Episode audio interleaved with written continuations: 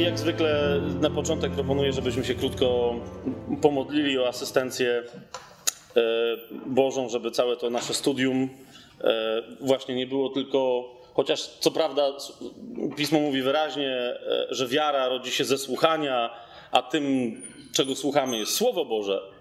A więc ze słuchania Słowa Bożego rodzi się wiara. Niemniej jednocześnie każdy z Was może też mieć doświadczenie podczas tego naszego dzisiejszego spotkania, jak to bywało też podczas poprzednich, bycia poprowadzonym czy poprowadzoną, e, nawet mówię tu i teraz, we własnym studium. Czasem, czasem mm, podczas ostatnich spotkań parę osób mi mówiło, że na chwilę nie słuchałem, co, co mówiłeś, bo przyszły mi na myśl jakieś tam słowa z Biblii sprawdzałem cytaty i dopiero po 15 minutach wróciłem. I bardzo dobrze. Jeżeli Duch Święty cię prowadzi e, w takim poznaniu, to, to świetnie, ponieważ to wszystko jest nagrywane, to jak coś umknie, e, a może ci umknąć, to potem sobie można to uzupełnić. Ojcze, na początku tego naszego dzisiejszego spotkania, za które bardzo Ci dziękujemy,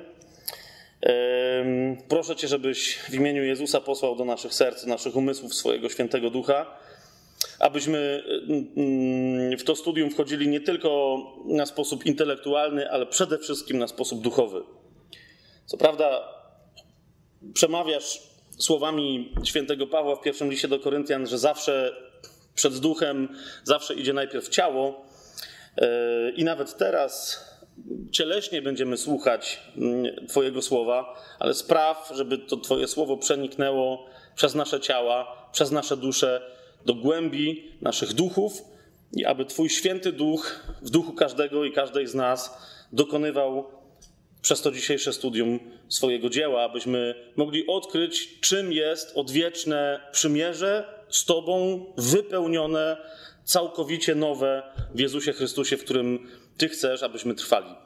Abyśmy dokonając, dokonawszy tego odkrycia, abyśmy, abyśmy chcieli w tym nowym przymierzu z łaski przez wiarę trwać i czynić wielkie dzieła na Twoją chwałę. Amen.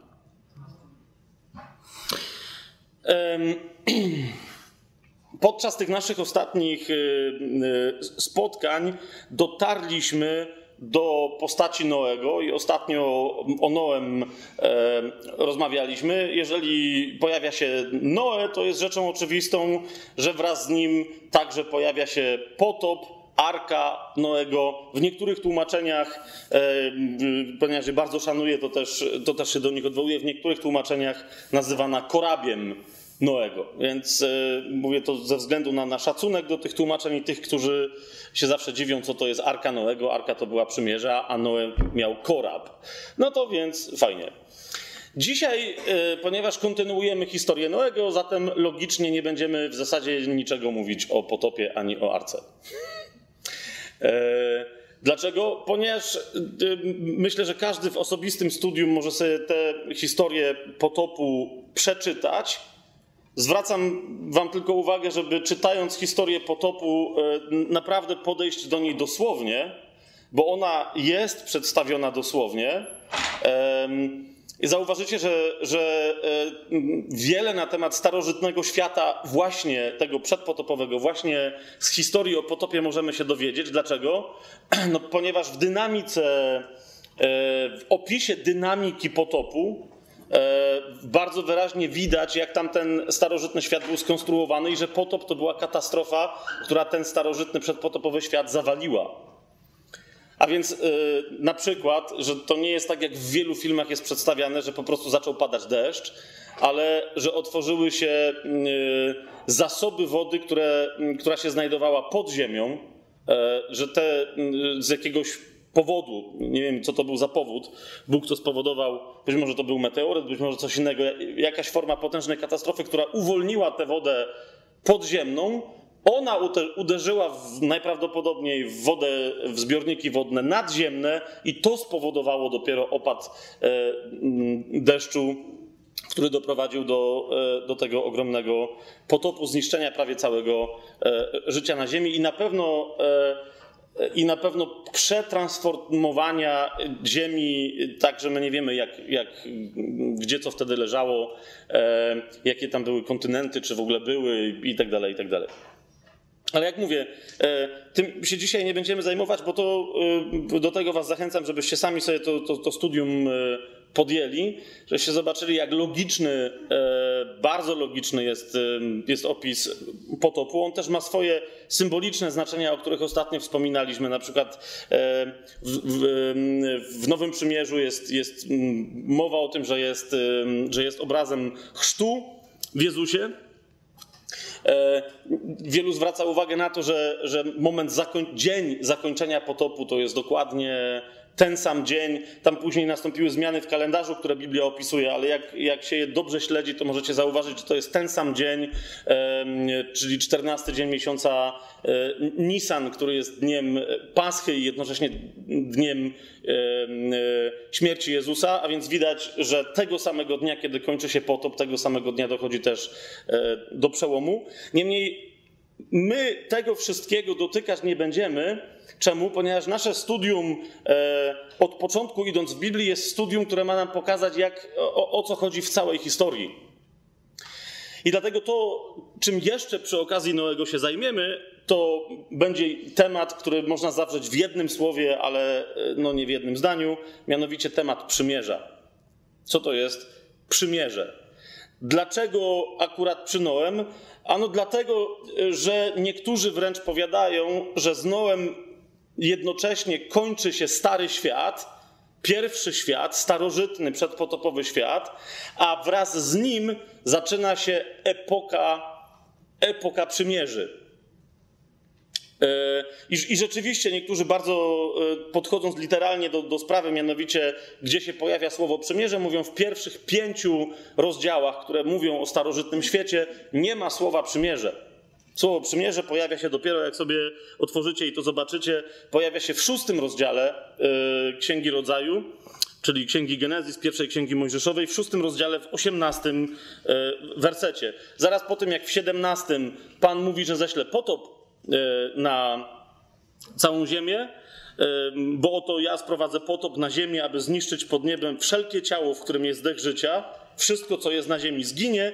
W osiemnastym wersecie się pojawia to ważne słowo berit, ale z tobą, mówi do Noego, z tobą ustanowię przymierze moje i wejdziesz do arki, ty i synowie twoi, i żona twoja, i żony synów twoich z tobą. No i tam potem się to rozwija. W każdym razie Bóg tutaj wyraźnie mówi, że z Noem zawiera, nie tyle, że zawiera, co że zawrze z nim przymierze, ponieważ tam e, widać, że to, jest, e, że to jest historia na przyszłość. Z Tobą ustanowię przymierze moje. I teraz e, wiele osób pyta, dlaczego to jest w ogóle ważne? Dlaczego, dlaczego, my, się, e, dlaczego my się w ogóle e, mamy zastanawiać, co to jest przymierze? Otóż zwróćcie uwagę, Słowo przymierze jest tak kluczowe dla wszystkiego, co, co Bóg dla nas robi i wszystkiego, w czym my się możemy poruszać, że Biblia w różnych tradycjach, ale zwłaszcza w chrześcijaństwie, jest nazywana przymierzem. Tak? Oczywiście y, wiele w polskich tłumaczeniach, w wielu y, pismach, wersjach Pisma Świętego będziecie mieli napisane Stary Testament i Nowy Testament ale chodzi o to, że ten testament, y, zaraz się do tego nieco odniesiemy, to jest dokładnie to samo słowo po grecku, co przymierze, właśnie, czyli diatekę, przymierze.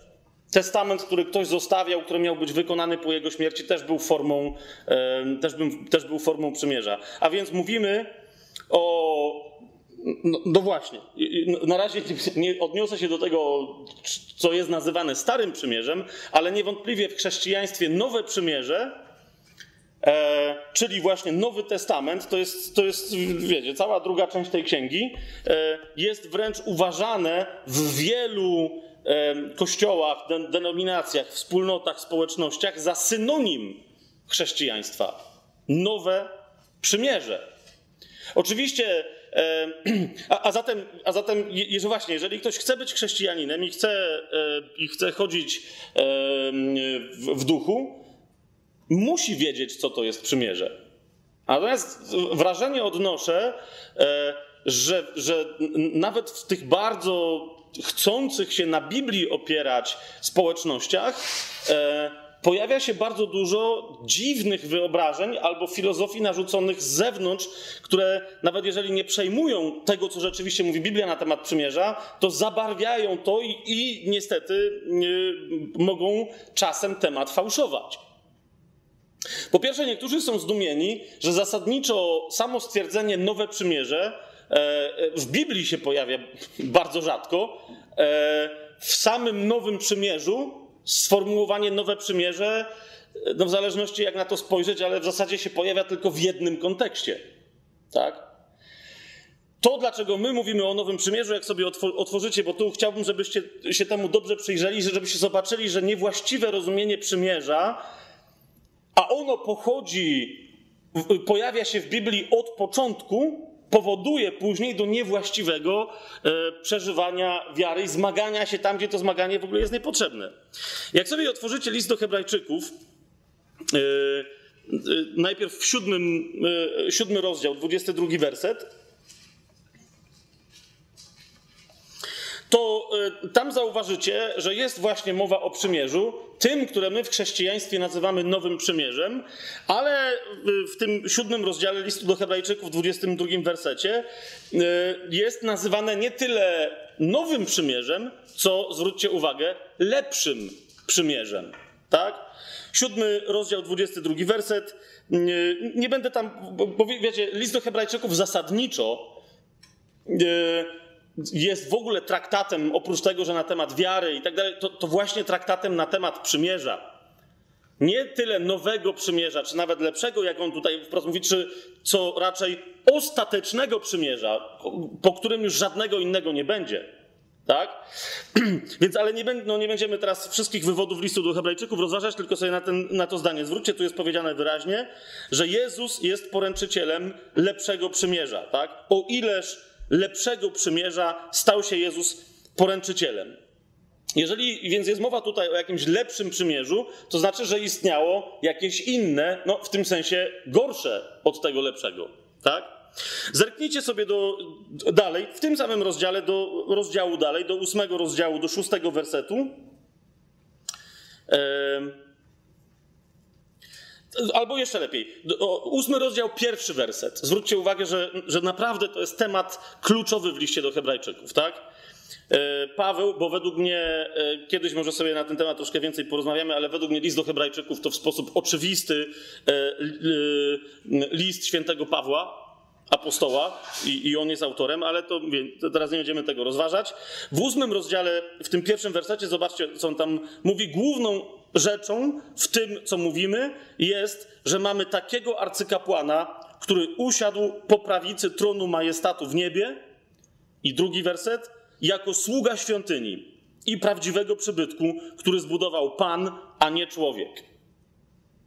I teraz wiąże to, bo tu potem on mówi o właśnie o, o, o, starej świątyni, starych ofiarach. Przeskakujemy do szóstego wersetu. To zasiadanie w świątyni Bożej po prawicy e, tronu majestatu w niebie e, jest jak określone? Teraz zaś objął, w szóstym wersecie ósmego rozdziału, teraz zaś objął on o tyle znakomitszą służbę, o ile lepszego przymierza jest pośrednikiem, które ustanowione zostało w oparciu o lepsze obietnice.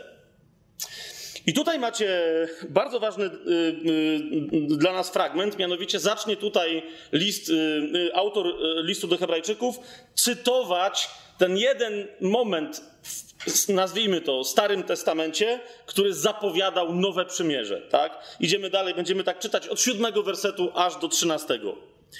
Gdyby bowiem pierwsze przymierze było bez braków, nie szukano by miejsca na drugie. Mówi list do Hebrajczyków, tak? Ósmy rozdział, siódmy werset i czytamy dalej. Albowiem ganiąc ich, mówi: Oto idą dni, i to jest cytat z proroka Jeremiasza: Oto idą dni, mówi Pan, a zawrę z domem Izraela i z domem Judy przymierze nowe. Nie takie przymierze, jakie zawarłem z ich ojcami w dniu, gdym ujął ich za rękę, aby ich wyprowadzić z ziemi egipskiej. A więc widzicie, już Jeremiasz zapowiadał, że nowe przymierze, znaczy Jeremiasz, Bóg przez proroka Jeremiasza zapowiadał, że nowe przymierze, które zawrze, teraz jeszcze mniejsza o to z kim i nie będziemy teraz, ale że nowe przymierze, które zawrze, będzie przymierzem innym od przymierza synajskiego. Bo do tego się odwołuje tutaj yy, Izajasz, a Pan przez niego, yy, kiedy mówi o tym, że ująłem ich za rękę, aby ich wyprowadzić z ziemi egipskiej. A więc jest jasne odniesienie, przeciwstawienie sobie nowego przymierza do tego przymierza, które zostało zawarte pod Synajem.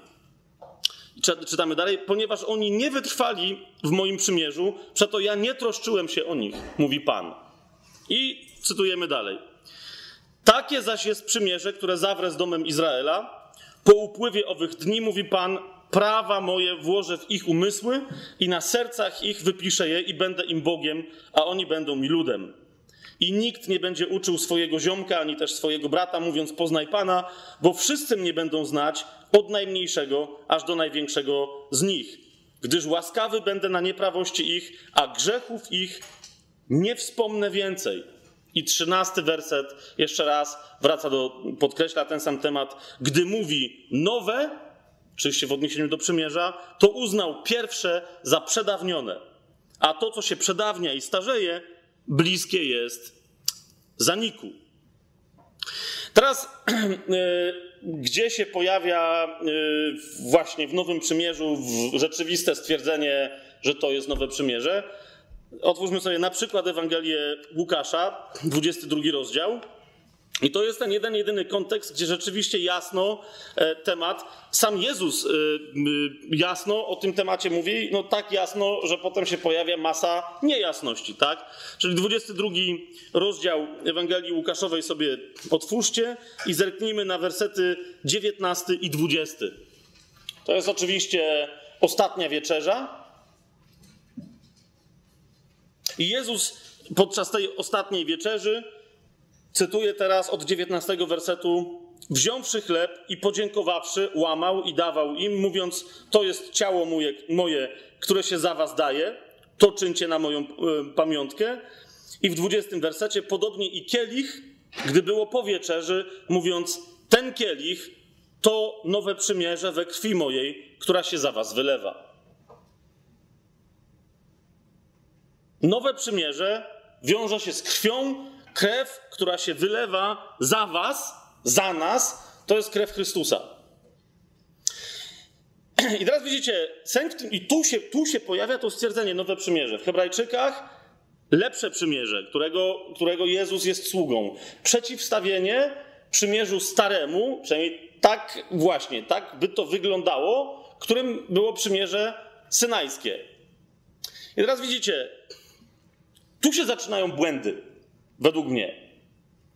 Ten najgorszy z błędów polega na tym, że wobec tego wszyscy mówią: OK, skoro nowe przymierze przedawnia stare przymierze, to wobec tego to mam czytać. To mam czytać. O, tu jest napisane Nowy Testament. To mam czytać. To, to jest ta, ta druga część księgi, tak? Tamta i wielu chrześcijan, i przyznajcie, że tak nie jest. Powiedzcie, że tak nie jest. Wielu chrześcijan mówi, jak się ich zapytasz, no to po co w takim razie Stary Testament? No wiesz, bo to jest nasza historia, nasza tam tradycja, no nie, mamy starszych braci w wierze, ale to wszystko, powiadają, to wszystko jest nieważne. Wystarczy, że będziesz czytać Nowy Testament i to, to będzie wszystko elegancko rozegrane. To wystarczy, bo to jest nowe przymierze, a to stare jest przedawnione.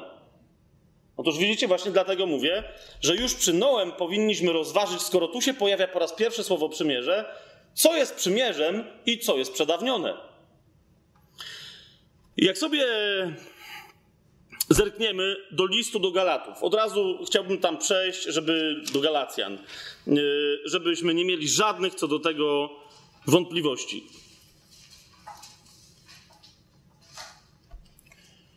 Bo teraz widzicie, utożsamienie i nazwanie Starym Przymierzem całego Tanachu, czyli wszystkiego, co się pojawiło przed pismami Nowego Testamentu, Nowego Przymierza.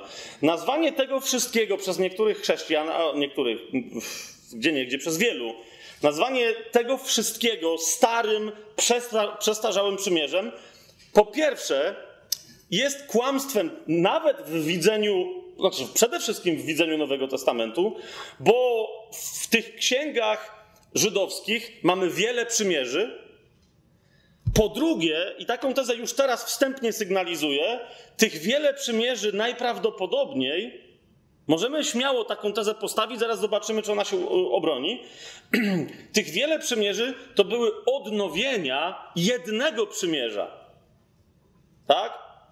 Natomiast samo przymierze synajskie, które dało Izraelitom prawo, było rodzajem, nie chciałbym powiedzieć anomalii w całej tej historii, okay? ale było odnowieniem e, przymierza, które Bóg zawarł z wszystkimi ludźmi, tylko i wyłącznie dla jednej grupy. Teraz chodzi mi o to, że i tak my w tej jednej grupie musimy być zbawieni. Jak dla niektórych z Was teraz mówię za szybko, to, to się wszystko wyjaśni, ale muszę to powiedzieć. Tak? Pod koniec drugiego rozdziału listu do Rzymian Paweł mówi wyraźnie, że zbawienia dostępują ci, którzy są prawdziwymi Judejczykami. Dom Izraela też go dostąpi. Tak? Ale prawdziwym Judejczykiem, on mówi, jest ten, kto nie ma obrzezania ciała, ale kto ma obrzezane serce, a więc kto jest chrześcijaninem. A zatem nie da się dostąpić zbawienia, nie będąc pod obietnicami, które niesie e, ze sobą błogosławieństwo Abrahama, błogosławieństwo Izaaka, błogosławieństwo Jakuba, który stał się Izraelem. Nie, nie da się. Trzeba się stać Judejczykiem, niekoniecznie będąc prawdziwym Izraelitą. My, my, mamy tam problemy trochę z tłumaczeniem, bo niektórym tłumaczom się wydaje, że jak napiszą Żyd, to będzie wszystko wyjaśnione, a jeszcze raz, jak sobie zobaczycie nawet w liście do Hebrajczyków, my za chwilę do tego jeszcze wrócimy. Jeremiasz mówi bardzo wyraźnie, że nowe przymierze musi być zawarte z domem Judy i z domem Izraela. Nie bez przyczyny te dwa domy, znaczy jeden Izrael podzielił się wręcz na dwa królestwa. Okay? Nie bez przyczyny. I nie bez przyczyny Pan potem mówi, że z, e, z następcami tych dwóch królestw musi zawrzeć jedno przymierze. Między innymi właśnie dlatego, że my jako poganie, Paweł o tym w liście do Rzymian mówi wyraźnie, nie weszlibyśmy mm, e, do, pod błogosławieństwo.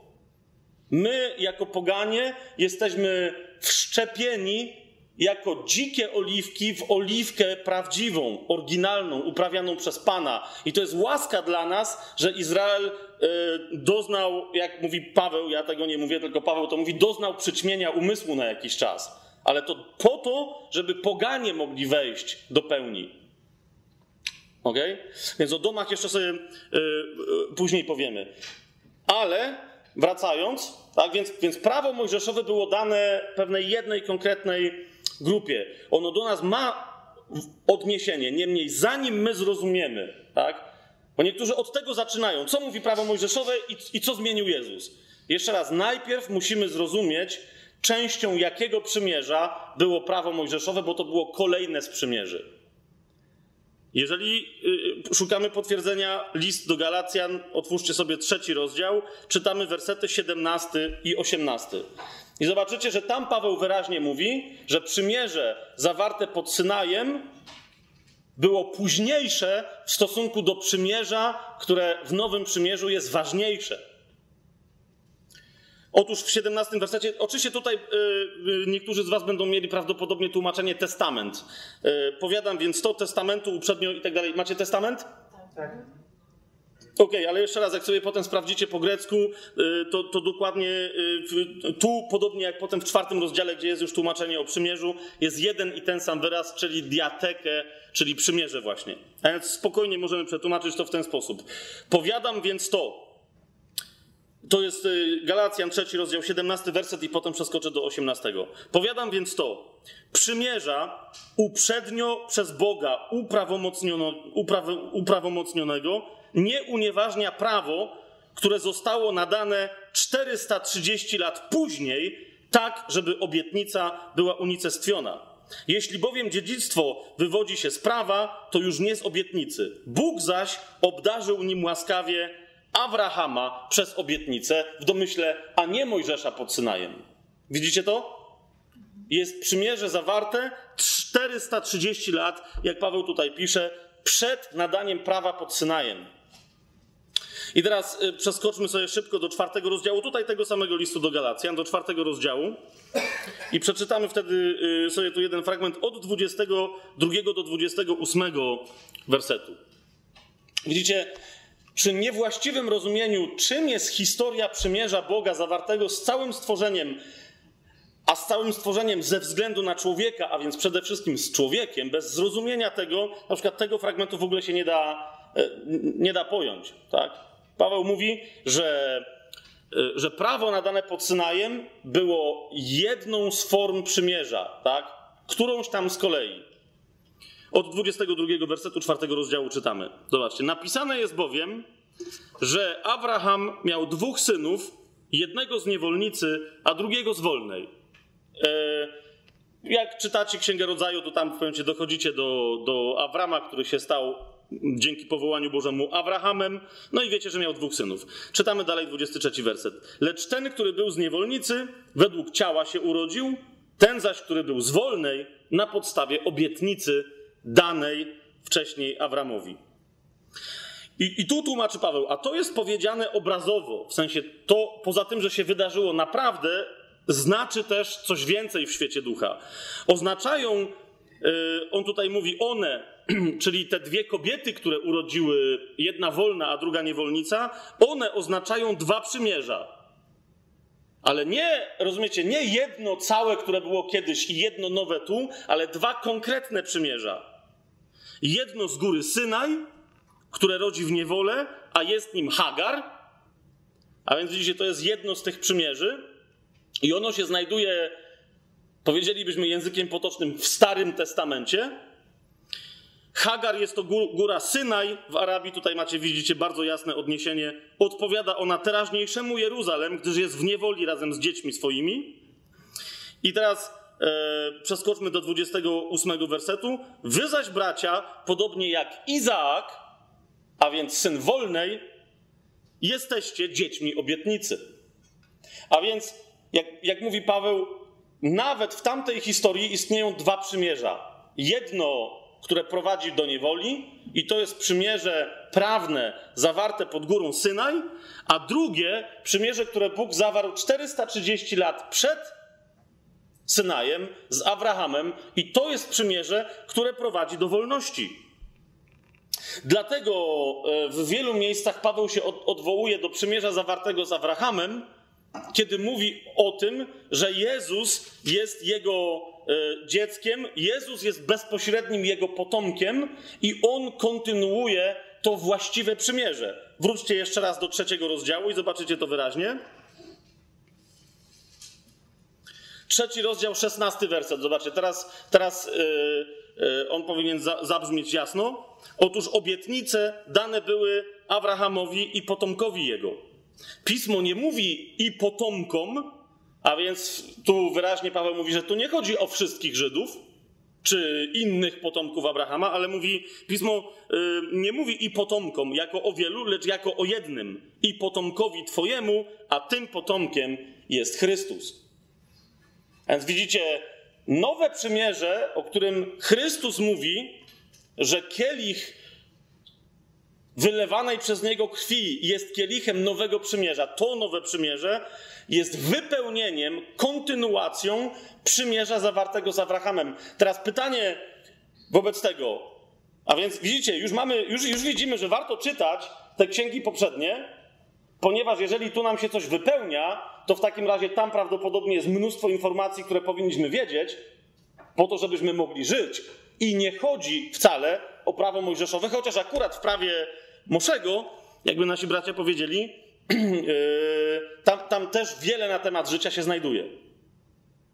A zatem, jak już, jak już to mamy y, powiedziane, e, żeby najpierw, żebyśmy zrozumieli, czym w ogóle jest przymierze, jak ono wygląda, skąd się bierze, musimy właśnie do ksiąg starodawnych sięgnąć, tam znaleźć opis, zrozumieć czym, dlaczego przy Noem Bóg mówi, że z nim zawrze przymierze, bo to jest to przymierze, które później jeszcze raz odnawia z Abrahamem, i dopiero wtedy możemy, że tak powiem, wylądować w Jezusie z właściwym przyjęciem tego dzieła, które on dla nas wykonał. Więc zapraszam Was teraz, żebyśmy sobie właśnie do y, Księgi Rodzaju, do, do Bereshit, do pierwszej Księgi Mojżeszowej sięgnęli z dwóch powodów. Do 15 rozdziału. Po pierwsze, żebyście zobaczyli yy, Boga zawierającego przymierze właśnie z, z, z Awramem, i to jeszcze zanim, zanim to przymierze się dopieczętowało, zanim Bóg nazwał Awrama Abrahamem, Bo jeżeli Paweł cały czas się odwołuje do tamtego przymierza, to właśnie to będzie miał na myśli, tak? A czy całość historii Abrahama, bo on cały czas mówi, że, że my jesteśmy łaską zbawieni przez wiarę. A że pierwszym, chociaż ostatnio żeśmy mówili o tym, że Noe był jeszcze wcześniej, tak, ale że pierwszym takim, który wyraźnie w całej swojej historii uwierzył Bogu i Bóg mu to poczytał za sprawiedliwość, był właśnie Abraham. Natomiast do tego fragmentu chcę jeszcze e, sięgnąć e, e, z drugiego powodu, bo widzicie, słowo przymierze w języku hebrajskim berit niektórzy mówią, że się wywodzi z takiego rdzenia językowego, który oznacza wspólne biesiadowanie. I że jak ktoś z kimś zasiadł e, i biesiadował, no to wtedy zawarł z nim przymierze. I to znowu jest taka koncepcja, która wielu osobom pasuje, no bo Jezus siedział, była wieczerza i on tam mówił o nowym przymierzu, no i że to wtedy pasuje, tak? Niemniej myślę, że większość tłumaczy którzy znają hebrajski, yy, zgodzi się z tym, że, że to słowo pochodzi od słowa rozcinać coś albo rozrywać, e, rozcinać równo, nie wiem czy się da równo rozerwać, rozcinać coś na pół, rozcinać coś żywego, zwierzę na pół. Tak? I teraz jak sobie cały 15 rozdział yy, Księgi Bereshit yy, przestudiujecie, to jest dokładnie opis tego zdarzenia. Ja tylko chcę, żebyście sobie zobaczyli, że tu dokładnie y, Bóg. Y, Bóg dokładnie to zlecił Abra, y, Abramowi, Abramowi jeszcze, jeszcze wtedy. Zobaczcie, 15 rozdział, 9 werset.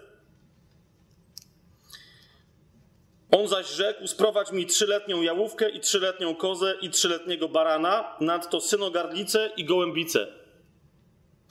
Dziesiąty werset. I sprowadził mu to wszystko i rozciął na pół i położył jedną połacz naprzeciw drugiej, tylko ptaków nie dzielił. Tak? I teraz Bóg na potwierdzenie e, tego, że on wszystko dobrze zrobił i że zawiera z nim przymierze, zobaczcie, e, 17 werset tego rozdziału. A gdy słońce zaszło i nastała ciemność, oto ukazał się dymiący piec i płonąca pochodnia, które przesuwały się między owymi połaciami. Bóg mówi: Rozciąłeś te dwie rzeczy, a więc ja teraz z Tobą zawieram rozcięcie. Te rzeczy zostały rozcięte po to, żebyśmy my się zjednoczyli. Zawieram z Tobą przymierze. Ukazał się dymiący piec i płonąca pochodnia, które przesuwały się między owymi połaciami.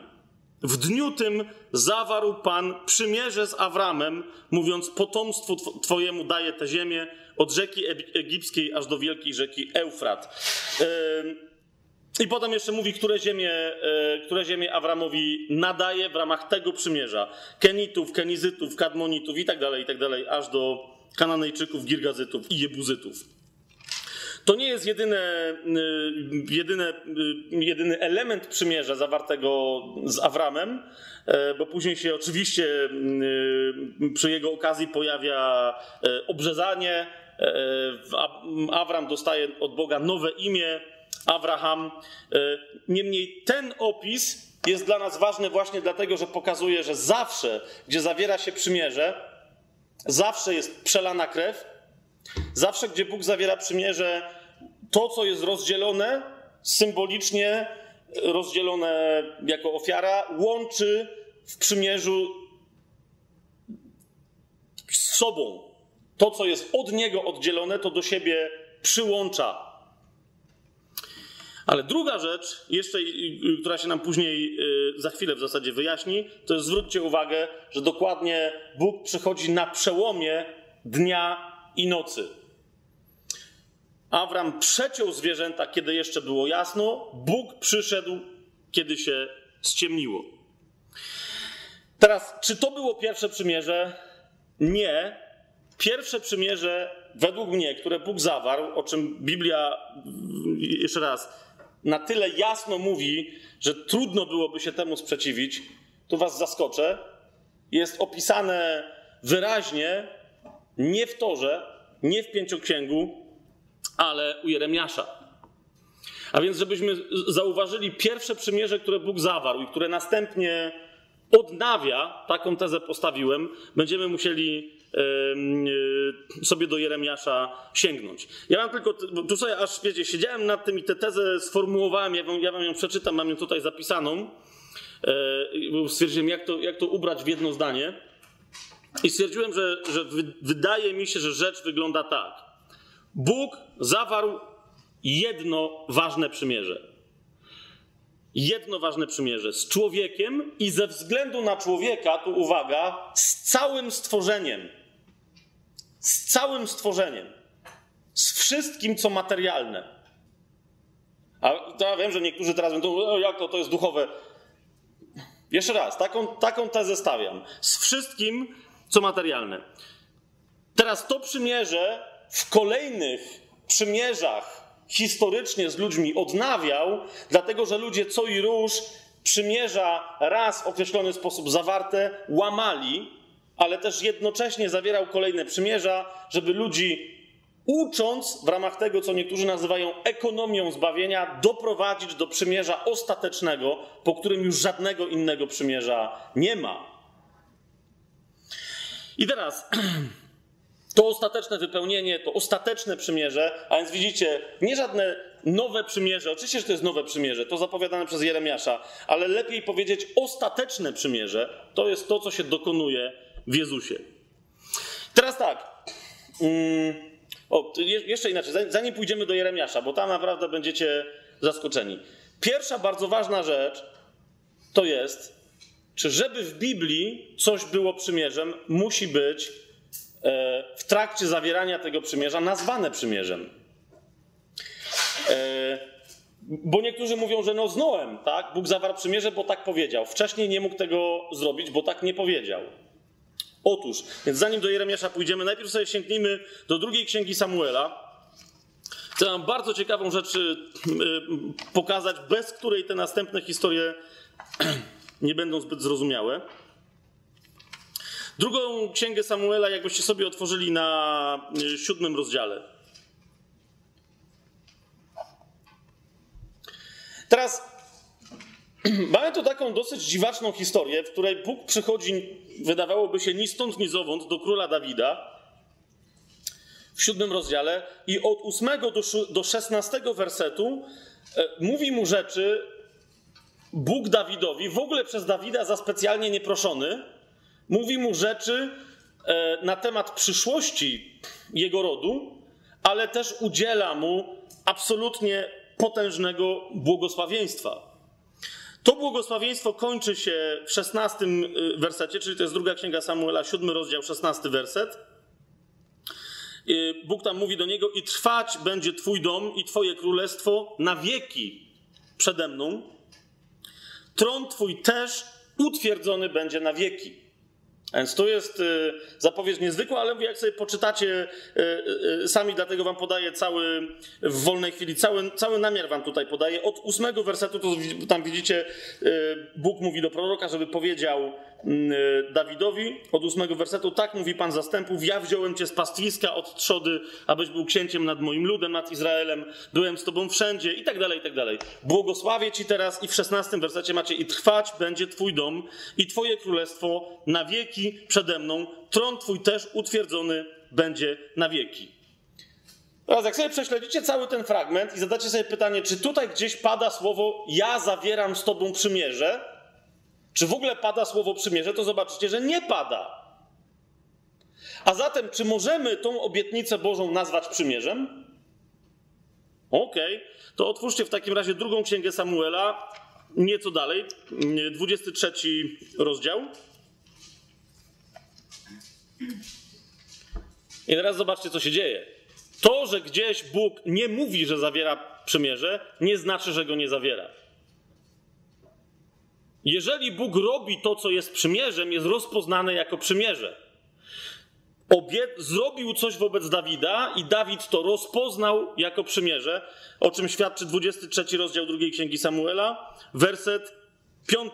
Zobaczcie, co tam Dawid mówi sam o sobie. Czy nie tak jest z domem moim u Boga?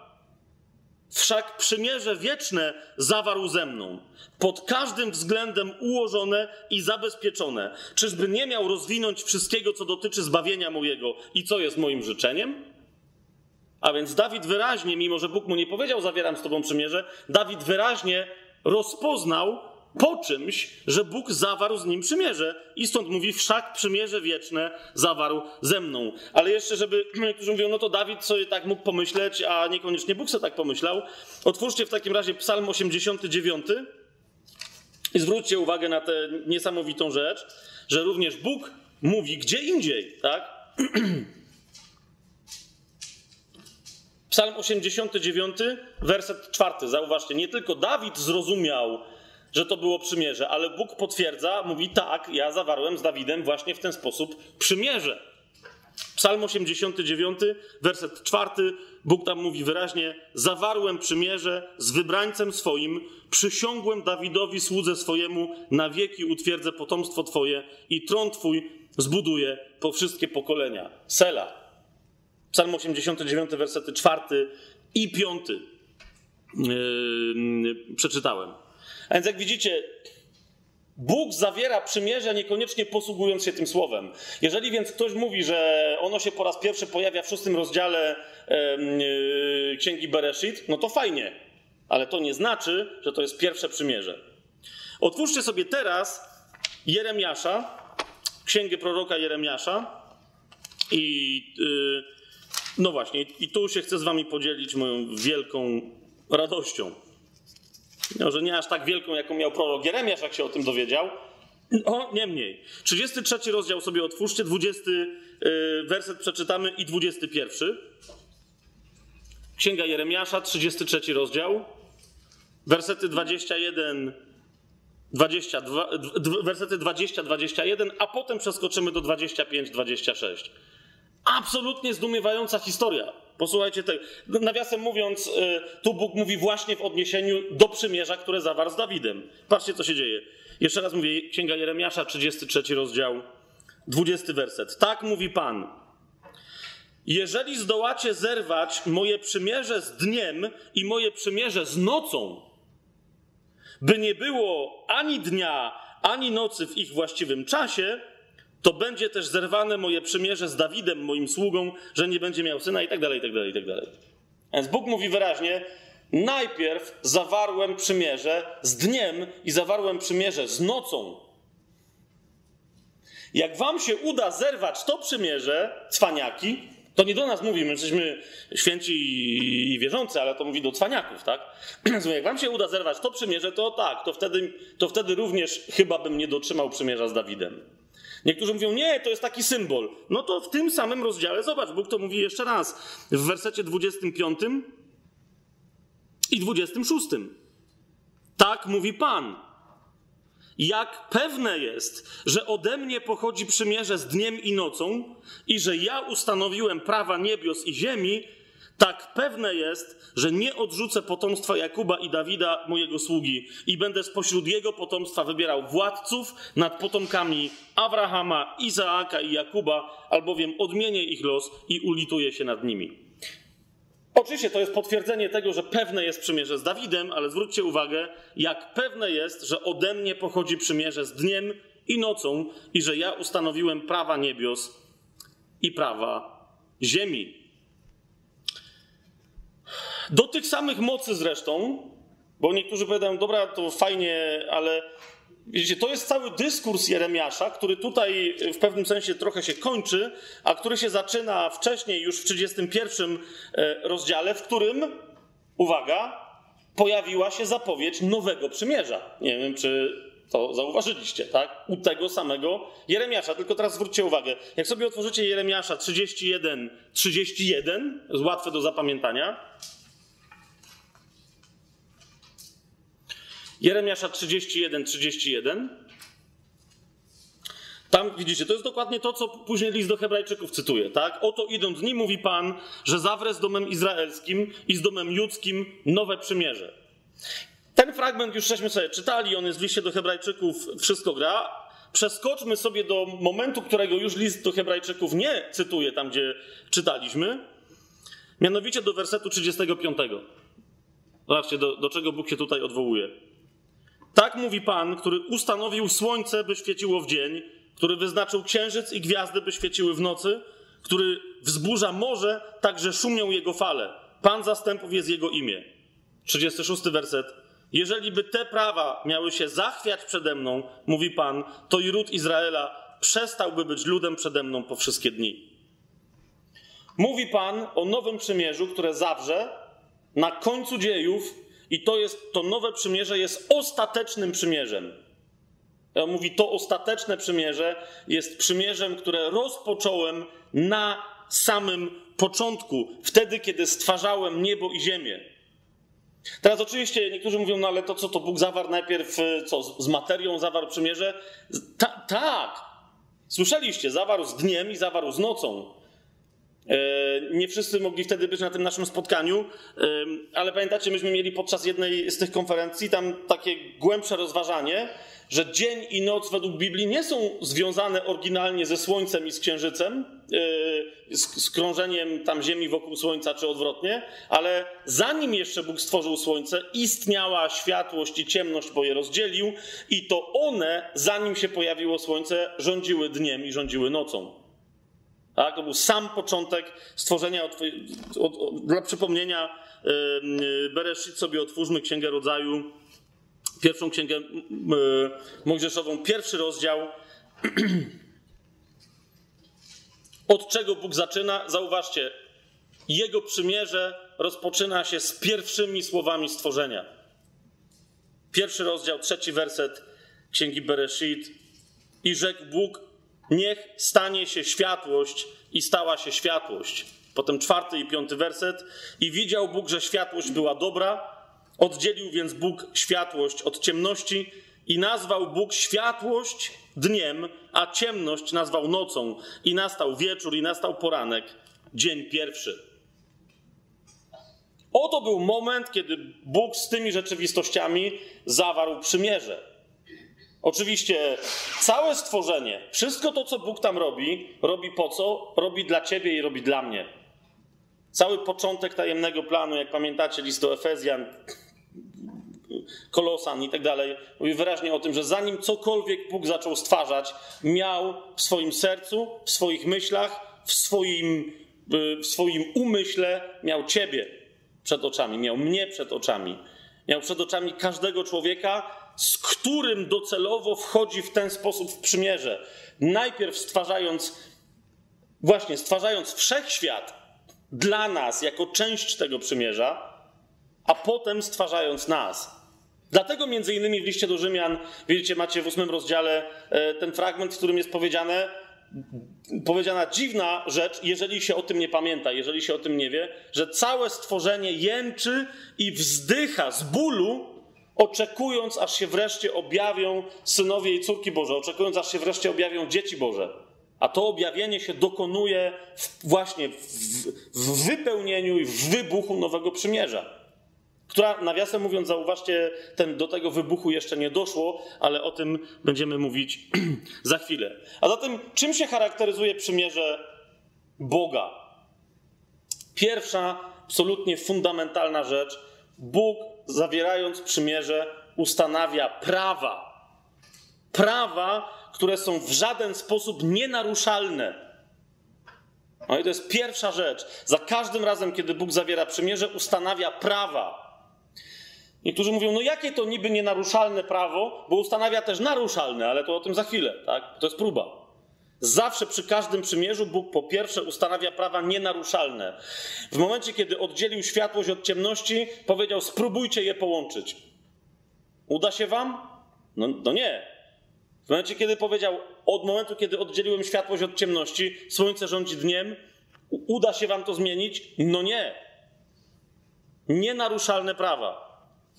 Teraz ktoś powie, dobra, a z Abrahamem jak zawierał przymierze, to jakie tam niby było nienaruszalne prawo? On powiedział, dam ci ziemię stąd tam. I ponieważ żadna, żadne inne prawo tam się nie pojawiło, to znaczy, że to jest nierozerwalne. Rozumiecie? Nikt nie może się przeciwstawić Bogu, kiedy wreszcie ustanowi ziemię obiecaną potomkom wszystkim Abrahama, da tę ziemię w tych granicach, które tam są bardzo precyzyjnie ustalone i o których dzisiaj wszyscy sąsiedzi Izraela dokładnie wiedzą, gdzie te granice są. Zwłaszcza, że w tych granicach się znajdują. Ok? Za każdym razem, kiedy Bóg daje kiedy Bóg zawiera przymierze i daje prawo, mówi o takich rzeczach, które się nie zmienią. Jeżeli na przykład powiedział, że w Tobie, Abrahamowi powiedział, w Tobie będę błogosławić wszystkie narody, to tak właśnie jest. I jeżeli później na przykład Izraelowi, z którym zawiera również przymierze, mówi, każdy, kto Ciebie będzie przeklinał, zostanie przeklęty, a kto Ciebie będzie błogosławił, będzie ubłogosławiony, to do dzisiaj tak jest. Każdy, kto się zajmuje, nieważne z jakiego powodu, przeklinaniem Izraela, wreszcie bardzo szybko, szybciej niż mu się wydaje, zaczyna sam w swoim życiu doświadczać przekleństwa. A każdy, kto błogosławi Izraela w sposób absolutnie pewny, bo takie jest prawo, zaczyna doświadczać błogosławieństwa. Po prostu takie jest prawo. Rozumiesz? To jest prawo w Biblii nie oznacza czegoś, co my dzisiaj rozumiemy przez prawo, że to jest umowa społeczna. Tak jak teraz na przykład w Polsce, wiecie, trwa jakaś tam walka o Trybunał Konstytucyjny. Ci mówią, że prawo jest takie, tamci, że jeszcze inne. Jeszcze ktoś z zagranicy przyjeżdża, bo tamci nakablowali i tak dalej. Rozumiecie, to jest... I wszyscy, co to jest prawo, się zastanawiają. Nikt się, zauważcie, nie zastanawia, co to jest prawo grawitacji. Okej? Okay? Bo ty możesz dyskutować, ustanowić sobie Trybunał Konstytucyjny, który uzna, że prawo grawitacji jest nieważne, bo nie zostało przegłosowane demokratycznie. To wyjdź przez okno na dziesiątym piętrze i podyskutuj z tym prawem. Okej? Okay? Prawo, które Bóg nadaje, jest, jest właśnie, i on mówi, tak, że to jest prawo nie do zmiany, jest nie do zmiany. On po prostu działa i koniec. Natura cała się zmienia właśnie w taki sposób. Zresztą przy Noem, do którego, którego yy, przymierze chciałbym, żebyśmy się dzisiaj troszkę bliżej przyjrzeli, zobaczycie, że tam dokładnie Bóg takie prawa nadaje. Tak? Druga rzecz.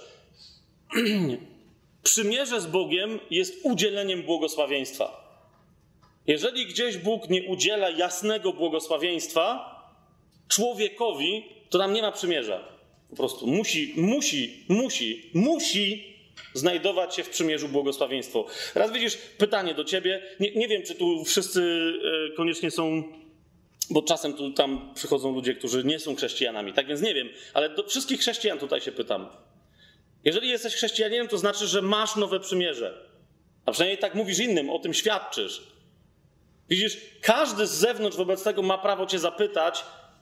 Bóg, jeżeli zawarł przymierze, okej, okay, to się wszystko stało przez Jezusa, ale Bóg zawiera przymierze osobiście z tobą. Pytanie zatem brzmi, jakie błogosławieństwo tobie osobiście, poza wszystkimi innymi błogosławieństwami należącymi do Nowego Przymierza, jakie błogosławieństwo tobie osobiście wypowiedział? Jaka jest jego osobista obietnica dla ciebie?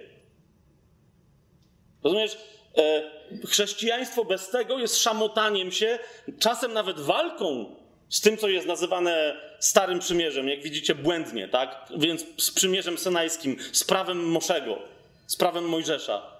To jest jakieś tam szamotanie się, ale po co? Tylko po to, żeby wylądować w nowym prawie, w którym nie bardzo wiadomo, jakie są obietnice, e, a wiadomo, jakie jest nowe prawo. I, to nowe prawo wcale nie jest wypisane w sercu. Niektórzy mówią, że ja mam wypisane w sercu, ale potem doskonale wiedzą, która litera i gdzie jest zapisana, mówi o tym prawie, które jest niby wypisane w sercu. Więc, ale na razie tam te, te wszystkie prawa pisane zostawiam. Na razie tylko mówię o tym, jaka jest obietnica dla ciebie, jakie jest dla ciebie błogosławieństwo. I po trzecie, Bóg zawsze, kiedy zawiera przymierze, zostawia znaki. Nie, za, nie zawiera nigdy z nikim żadnego przymierza, jeżeli nie zostawia znaku. I teraz widzicie, zwykle ten znak jest jednocześnie formą próby dla człowieka. A więc w przymierzu jednocześnie Bóg zawsze nadaje prawa, które się nie zmienią, po prostu wprowadza coś w naturę tej ziemi. Także po prostu nikt tego nie może ruszyć. Tak jak grawitacja, no zresztą inna rzecz, grawitację może można ruszyć. Bóg z ziemią prawa na temat grawitacji aż, aż takiego jak inne w Biblii opisane, aż takiego nie zawierał. Tak więc to dlatego niektórzy lewitują i, i może dobrze robią. Ale okej. Okay. Tu wracamy. A więc są pewne prawa, które są niezmienne, ale zostawia Bóg też znak, który jest rodzajem próby. Mówi: Zostawiam ci też coś, co może być złamane. Tak długo, jak będziesz ty, ty człowiek, ja człowiek, jak będziesz, Bóg do nas mówi, jak długo będziesz kultywować ten znak, tak długo będę rozumieć, że z twojej strony przymierze jest też zachowane i że mamy sztamę, bo jak nie, to mamy kosę. No i wtedy, i wtedy trzeba będzie prawdopodobnie kolejnego Yy, kolejnego przymierza. Chyba, że ktoś wszedł w przymierze ostateczne, a więc w przymierze, nowe przymierze, Chrystusowe przymierze, chyba, że ktoś się zanurzył w Chrystusa i odpadł, to, to, to też między innymi z tego powodu właśnie list do Hebrajczyków mówi, że dla tych dobrą nowiną jest dla tych, którzy wchodzą w przymierze z Jezusem, że od tej pory już, już nie ma grzechu, nie ma sądu za grzech, nie ma kary za grzech. Jest Masz wolność. Ale jednocześnie, jeżeli nadal, pomimo wejścia w to przymierze, zechcesz wrócić na trwałe do grzechu, wtedy ten sam list do Hebrajczyków mówi: nagle to, co jest dobrą nowiną, staje się złą, bo nie ma już więcej żadnej ofiary za grzech. Rozumiesz? Nie ma jeszcze kolejnego przymierza. To jest ostateczne.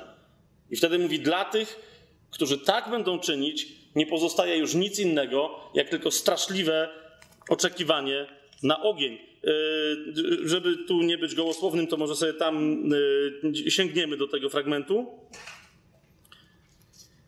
E, to jest dziesiąty rozdział, dobrze, dobrze mówię. Zobaczcie sobie list do Hebrajczyków, dziesiąty rozdział, bo to tam z głowy będę opowiadał. Zacytujmy sobie dokładnie list do Hebrajczyków, dziesiąty rozdział. Najpierw siedemnasty werset. Znaczy, list do Hebrajczyków, 17 i 18 werset. List do Hebrajczyków wyraźnie potwierdza zapowiedź e, z proroka Jeremiasza. tak, 17 werset. Grzechów ich i ich nieprawości więcej nie wspomnę. 18. Gdzie zaś jest ich odpuszczenie, tam nie ma już ofiary za grzech. Ofiara Chrystusa jest jednorazowa.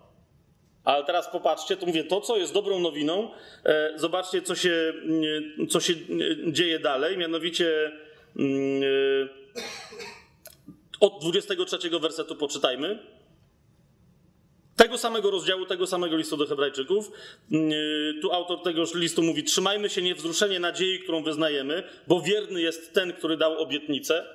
Taka jest natura przymierza. I baczmy jedni na drugich w celu pobudzenia się do miłości i dobrych uczynków, nie opuszczając wspólnych zebrań naszych, jak to jest u niektórych w zwyczaju, lecz dodając sobie otuchy i to tym bardziej, im lepiej widzicie, że się ten dzień przybliża. I tu 26 werset dalej. Bo jeśli otrzymawszy poznanie prawdy, rozmyślnie grzeszymy, dalej, to jest takie określenie w sensie ciągłym, nie że tam się komuś zdarzy jakiś upadek, nie ma już dla nas ofiary za grzechy. Przypomnij sobie tutaj, list do Hebrajczyków, przypomnij sobie człowieku, to co przed chwilą w 18 wersecie było dobrą nowiną. Koniec. Wszystko zmazane, ale jak ty dalej w tym brniesz, to nie ma już dla nas ofiary za grzechy, lecz tylko straszliwe oczekiwanie sądu i żar ognia, który strawi przeciwników.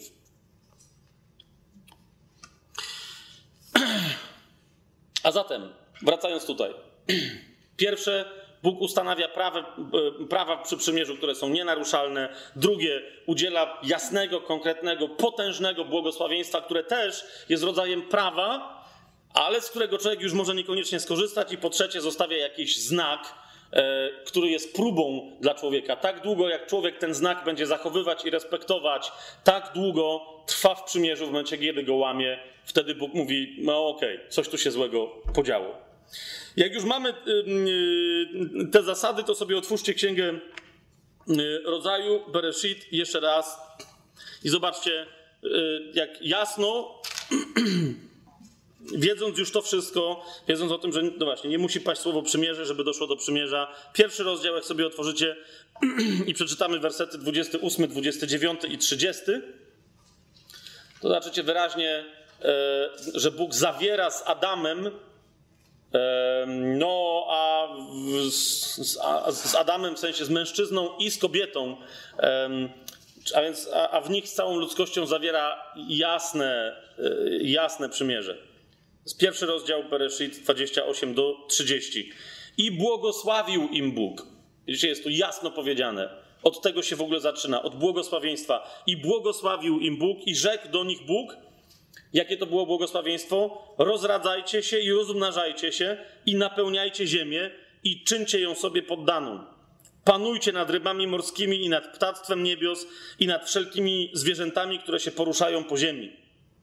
Potem rzekł Bóg: Oto daję wam wszelką roślinę wydającą nasienie na całej ziemi i wszelkie drzewa, których owoc ma w sobie nasienie, niech będzie dla was pokarmem.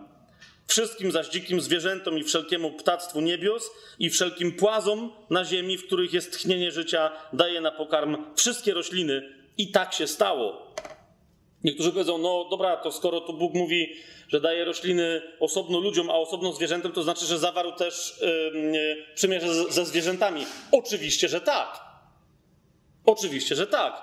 I u Noego, z którym Bóg właśnie to przymierze odnawia, u Noego dokładnie to widać i u Noego to jest bardzo dokładnie, yy, bardzo dokładnie już wprost powiedziane, tak jakby Bóg uznał, że po tym ponad tam troszkę tysiącu lat, kiedy ludzie nic innego nie robili, tylko grzeszyli, grzeszyli, grzeszyli i całą ziemię zepsuli i całe prawie całe ciało, które się znajdowało na ziemi. Także jeden Noe tam się uchronił.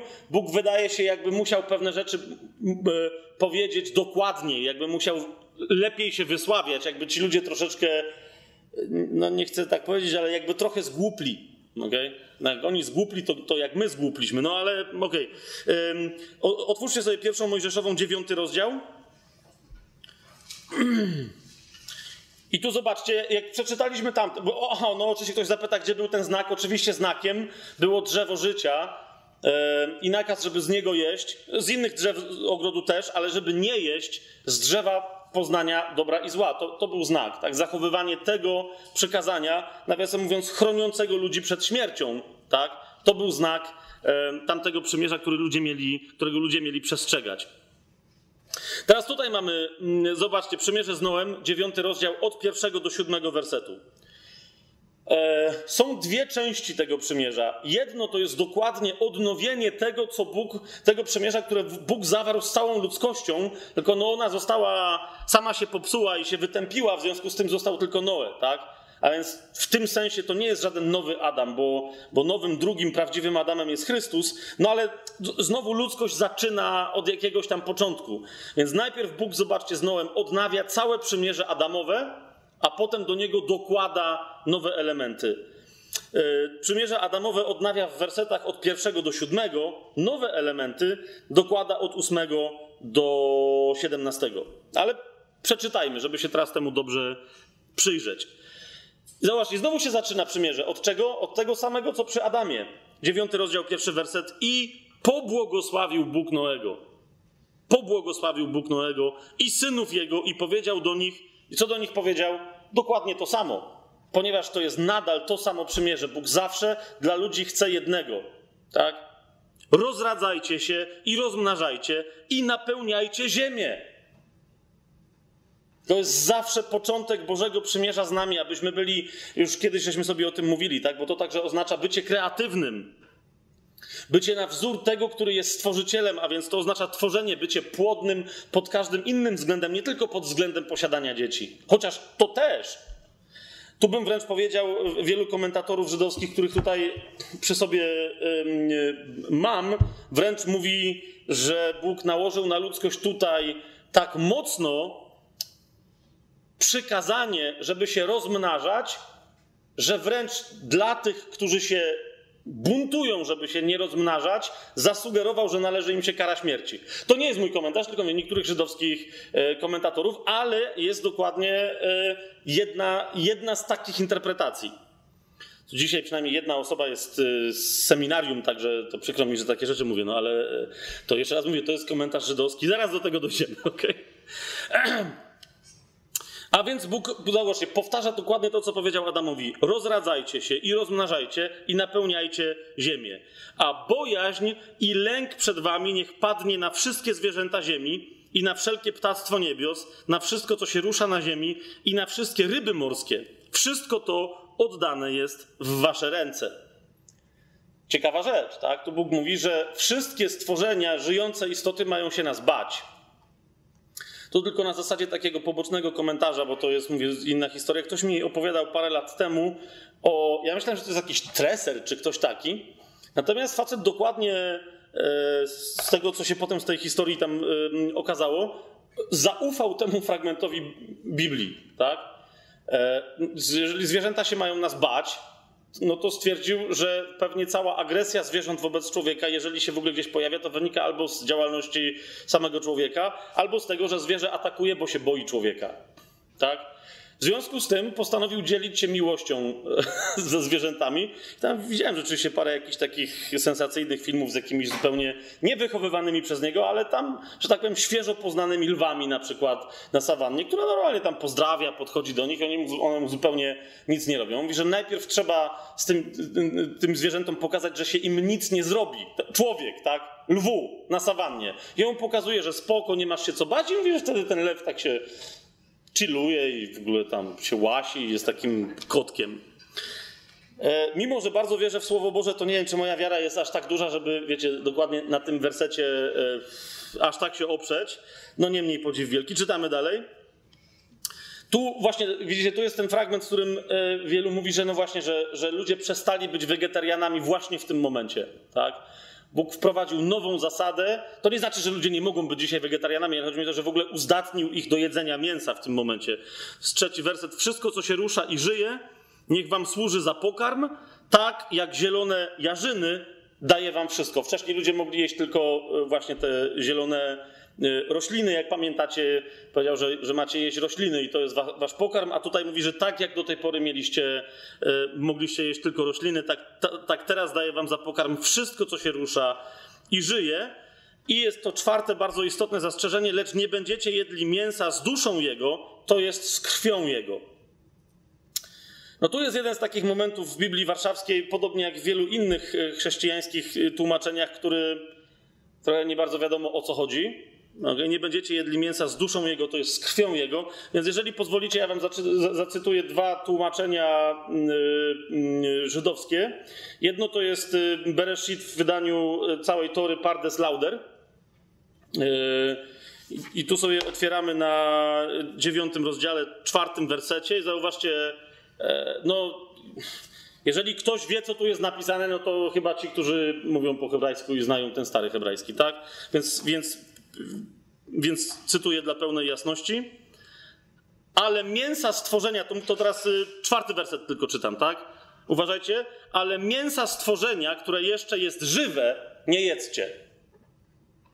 Widzicie, że jest y, różnica? Mięsa stworzenia, które jeszcze jest żywe, nie jedzcie, a nie, jak mamy tu to tłumaczenie, nie będziecie jedli mięsa z duszą jego, to jest z krwią jego i, i, i tak dalej. E, trochę jeszcze inaczej tłumaczy rabin y, y, Cylkow. Mam taki reprint jego, jego tłumaczenia Tory z y, końca XIX wieku. E, I rabin Cylkow tłumaczy to w ten sposób. Wszakże istoty z życiem jej, z krwią jej jeść nie będziecie. No wyraźnie widać, że tutaj to tłumaczenie jest bardzo mocno podległe tym rytualnym, koszernym rozumieniom, jak trzeba zwierzę zabić i tak dalej, więc trochę podlega temu, co jest dopiero później napisane e, właśnie w prawie mojżeszowym. Niemniej, no nawet on tu łączy tylko krew z życiem, ale wyraźnie chodzi o to, żeby nie jeść zwierząt, które jeszcze żyją, lub w których y, właśnie te pozostałości życia pozostają, które są związane, y, które są związane z tym, że krew funkcjonuje, y, w sensie krąży w człowieku. Widzicie, bardzo istotną rzeczą jest też pamiętać o tym, jak myśl hebrajska rozumie w ogóle istotę żywą, w tym także, jak, jak rozumie człowieka, człowiek tym się różni od zwierzęcia, nie że ma duszę, bo człowiek w myśli hebrajskiej, podobnie jak i zwierzę, ma i ciało, i duszę. Człowiek w odróżnieniu od zwierzęcia ma także ducha, czego zwierzę już nie ma. Okay? To duch dopiero powoduje pełne podobieństwo człowieka do Boga. Tak? I dlatego Paweł e, już w Nowym Przymierzu będzie krzyczał i, i modlił się, niech nienaruszony duch wasz, dusza i ciało e, oczekują na przyjście Pana i tak dalej, i tak dalej. Tak? Nienaruszony duch wasz, dusza i ciało. Dusza jest po prostu funkcją animującą, dopóki dusza e, jest ciałem. Teraz zwróćcie uwagę, że ja nie mówię, że dusza jest w ciele. Jest w ogóle to jest, to jest to żaden Żyd nie będzie wiedział, o co ci chodzi, jak tak powiesz. To jest koncepcja platońska, to jest koncepcja grecka. Dusza funkcjonuje na tej ziemi jako ciało. Okay? I dowodem na to, że dusza jest wciąż ciałem, jest płynąca przez ciało krew zwierzęcia czy człowieka. Tak? I w tym sensie taki tu jest związek między krwią, a tym, że dusza jeszcze przebywa, e, jeszcze przebywa w ciele. W momencie, kiedy krew przestaje płynąć, wtedy uważajcie, w języku hebrajskim ciało przestaje być ciałem. Nie ma czegoś takiego jak ciało, jak na przykład ludzie mówią, że my dzisiaj mówimy, że jest pogrzeb, tak? I że, i że ciało będzie wyniesione, albo że, że będzie nie wiem, w trumnie otwarte, a potem, że trumnę zamkną. W języku hebrajskim to nie jest ciało, bo ciało jest funkcjonującą w tym materialnym świecie duszą. Okay? To, co zostaje po tym funkcjonowaniu, uwaga, to są. Teraz wybaczcie mi, że tak to powiem, bo, bo, tak, bo w Biblii nadal jest mowa o tym, żeby jednak to, co po człowieku zostaje, żeby z szacunkiem pochować, tak? Ale słowo, które tam się pojawia, to odchody. Nie zostaje po człowieku ciało. Ciało jest ożywione to, co po nim zostaje, jest tak samo martwe, jak odchody żywego ciała. To jest to samo. Tego kogoś czy tego czegoś tam już nie ma. Okay? Dusza nie jest kierowcą w samochodzie. Tak? Niektórzy tak rozumieją duszę, że to jest kierowca, który wchodzi do samochodu. Że dusza w ten sposób funkcjonuje w ciele. Ciało to jest twój samochód, a ty tam gdzieś w środku siedzisz. Nie, nie, nie. nie. Ty to jesteś ty. Tak? To teraz patrzycie na moją duszę, a ja patrzę na wasze dusze. Nie widzę waszych duchów, tak? Nie widzę twojego ducha i ty nie widzisz mojego ducha. To tylko Bóg widzi, który jest duchem, tak? Ale to widzisz, to jest zupełnie inny wymiar. Yy, wymiar duszno, nie duchowo, ale duszno-cielesny jest wspólny dla nas i dla zwierząt. I dlatego niektórzy tak, wiecie, tak się boją właśnie, dopóki nie mają w sobie myśli hebrajskiej, boją się mówić na przykład o tym, że zwierzęta mają emocje. Pewnie, że mają. Normalna sprawa. Dlaczego? Bo mają duszę. Psychologia czasem tylko próbuje pretendować do nauki na temat ducha człowieka, ale przecież wyraźnie w nazwie ma napisane, że zajmuje się czym? Duszą. Psyche po grecku to jest dusza, pneuma to jest duch, tak? I dlatego rzeczywiście wielu psychologów nie wierzy w to, co duchowe i może całkiem słusznie, jeżeli tylko do psychologii mieliby się, e, mieliby się ograniczać. Czytamy dalej. Zobaczcie, co się tutaj dzieje. Dziewiąty rozdział y, Bereshit, piąty werset. Bóg dalej odnawia przymierze Adamowe z Noem. Będę też żądał krwi waszej, to jest dusz waszych. Właśnie, to jest to. Będę też żądał krwi waszej, to jest dusz waszych. Będę jej żądał od każdego zwierzęcia, a od człowieka będę żądał duszy człowieka za życie brata jego.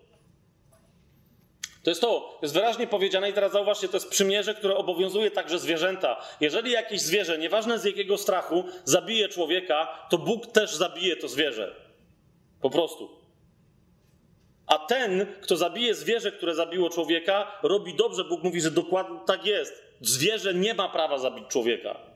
I to prawo nigdy w Biblii się nie zmieniło, ani w rzeczywistości też. Bóg nie mówi, że zwierzę nie może tego prawa złamać, ale mówi wyraźnie, że zażąda od niego życie za życie, tak? I uwaga, szósty rozdział. Dlatego ja czasem, jak słyszę historię, że jacyś tam chrześcijanie mówią, że kara śmierci to jest kontrowersyjna kwestia i tak dalej, Bóg tutaj mówi bardzo wyraźnie, tak, w szóstym wersecie: Kto przelewa krew człowieka, tego krew przez człowieka będzie przelana, bo na obraz Boży uczynił człowieka. To jest, tu, tu żaden z komentatorów nie ma żadnej wątpliwości, że Bóg powiedział, że zabicie człowieka przez człowieka jest tak wielkim przestępstwem, że od tej pory nie będzie już takiej łagodności, jakiej doświadczył Kain, który zabił Abla i był pierwszym mordercą z ludzi. Bóg powiedział o nim nie, jego nie dotykajcie. Niech łazi, dał mu znamie na ciało, które było widoczne dla innych, żeby wiedzieli, że to jest Kain, żeby czasem ktoś przez przypadek go nie zabił. Ale Bóg mówi: Nie, od tej pory tak nie będzie. Ciało, życie człowieka jest, jest moje, i jeżeli ktoś, człowiek, odbierze człowiekowi życie, czy nawet zwierzę, to czy to będzie zwierzę, czy człowiek, ten ktoś wyjmuje się spod mojego prawa, w związku z tym jego życie też ma być odebrane. Potem Bóg oczywiście dodaje parę mm, jeszcze elementów, że to trzeba tam porozróżniać, ale tu w tym zapisie e, przymierza z, z Noem, no po prostu to jest tak sformułowane i koniec. I jeszcze raz Bóg powtarza, właśnie mówi to, prze, przestańcie się zajmować zabijaniem nawzajem, bo niektórzy tu się skupiają, że Bóg więc usankcjonował, Bóg yy, zabijanie, Bóg niczego nie usankcjonował, on tylko mówi właśnie przestańcie się zabijać. I dlatego nikt nie będzie musiał zabijać tych, co zabijają. Przestańcie się zabijać. Bo, jeszcze raz tutaj przypomina, wy w siódmym wersecie, wy rozradzajcie się i rozmnażajcie. Niech zaroi się od was ziemia i niech was będzie dużo na niej. To jest takie słowo, że w ogóle po prostu multum, tak? Masa cała. I teraz, jak już to jest powiedziane, tutaj Bóg dodaje jeszcze parę interesujących y, faktów, tak? Czyli odnawia przymierze adamickie w ten sposób z Noem i od ósmego wersetu zauważcie, nadto a więc nad to, co Bóg powtórzył de facto, co prawdopodobnie było znane i wcześniej od Adama, tak? Nadto rzekł Bóg do Noego i do jego synów, którzy byli z nim, mówiąc: Oto ja ustanawiam przymierze moje z wami i z potomstwem waszym po was. I teraz uważajcie, werset dziesiąty. Właśnie to jest to. Niektórzy mówią, jak może Bóg zawrzeć przymierze? No tak może. Ustanawiam przymierze moje z wami i z potomstwem waszym po was i z kim? Dziesiąty werset i z wszelkimi istotami żyjącymi, które są z wami, z ptactwem, z bydłem i z wszystkimi dzikimi zwierzętami, które są z wami, z tymi wszystkimi, które wyszły z arki, wraz z wszystkimi zwierzętami ziemi. To tu mówię, tu już Bóg wyraźnie potraktował odbiorców jako lekko upośledzonych, żeby sobie potem nie pomyśleli, że chodzi tylko o te zwierzęta, co wyszły z arki. Więc on mówi z wszystkimi zwierzętami, które wyszły z arki i potem w ogóle z wszystkimi innymi. Z tymi wszystkimi istotami zawieram przymierze. Jakie? I ustanawiam przymierze moje z wami, że już nigdy nie zostanie wytępione żadne ciało wodami potopu i że już nigdy nie będzie potopu, który by zniszczył ziemię. Okay? To jest przymierze obowiązujące i, i, i, na którym się może oprzeć każda istota żyjąca e, na ziemi, każde zwierzę, bo Bóg zawarł to, przymierze tej obietnicy i tego błogosławieństwa z Tobą ze mną i z moimi świnkami morskimi dwiema. Czasem y, im przypominam, jak się źle zachowują, mówię, że halo, macie przymierze z Panem. Co to ma znaczyć? One nie do końca tam kumają, ale myślę, że jakbym zaczął mówić o potopie, to zareagowałyby. Dwunasty werset. Potem rzekł Bóg, to będzie znakiem przymierza, które ja ustanawiam między mną, a między wami i między każdą istotą żyjącą, która jest z wami po wieczne czasy. Jaka, y, widzicie, tu, tu się pojawia y, dodatkowy taki znak zewnętrzny. Łuk mój kładę na obłoku, aby był znakiem przymierza między mną a ziemią. Kiedy zbiorę chmury i obłok będzie nad ziemią, a na obłoku ukaże się łuk, Wspomnę na przymierze moje, które jest między mną a wami i wszelką istotą żyjącą we wszelkim ciele, i już nigdy nie będzie wód potopu, które by zniszczyły wszelkie ciało. Kiedy ten łuk ukaże się na obłoku, spojrzę nań, aby wspomnieć na przymierze wieczne między Bogiem a wszelką istotą żyjącą, wszelkim ciałem, które jest na ziemi. I rzekł Bóg do Noego: To jest znak przymierza, które ustanowiłem między mną a wszelkim ciałem, które jest na ziemi. Bardzo mi się podoba podejście, mm, tutaj też jeszcze skorzystam z, z Pardes Lauder,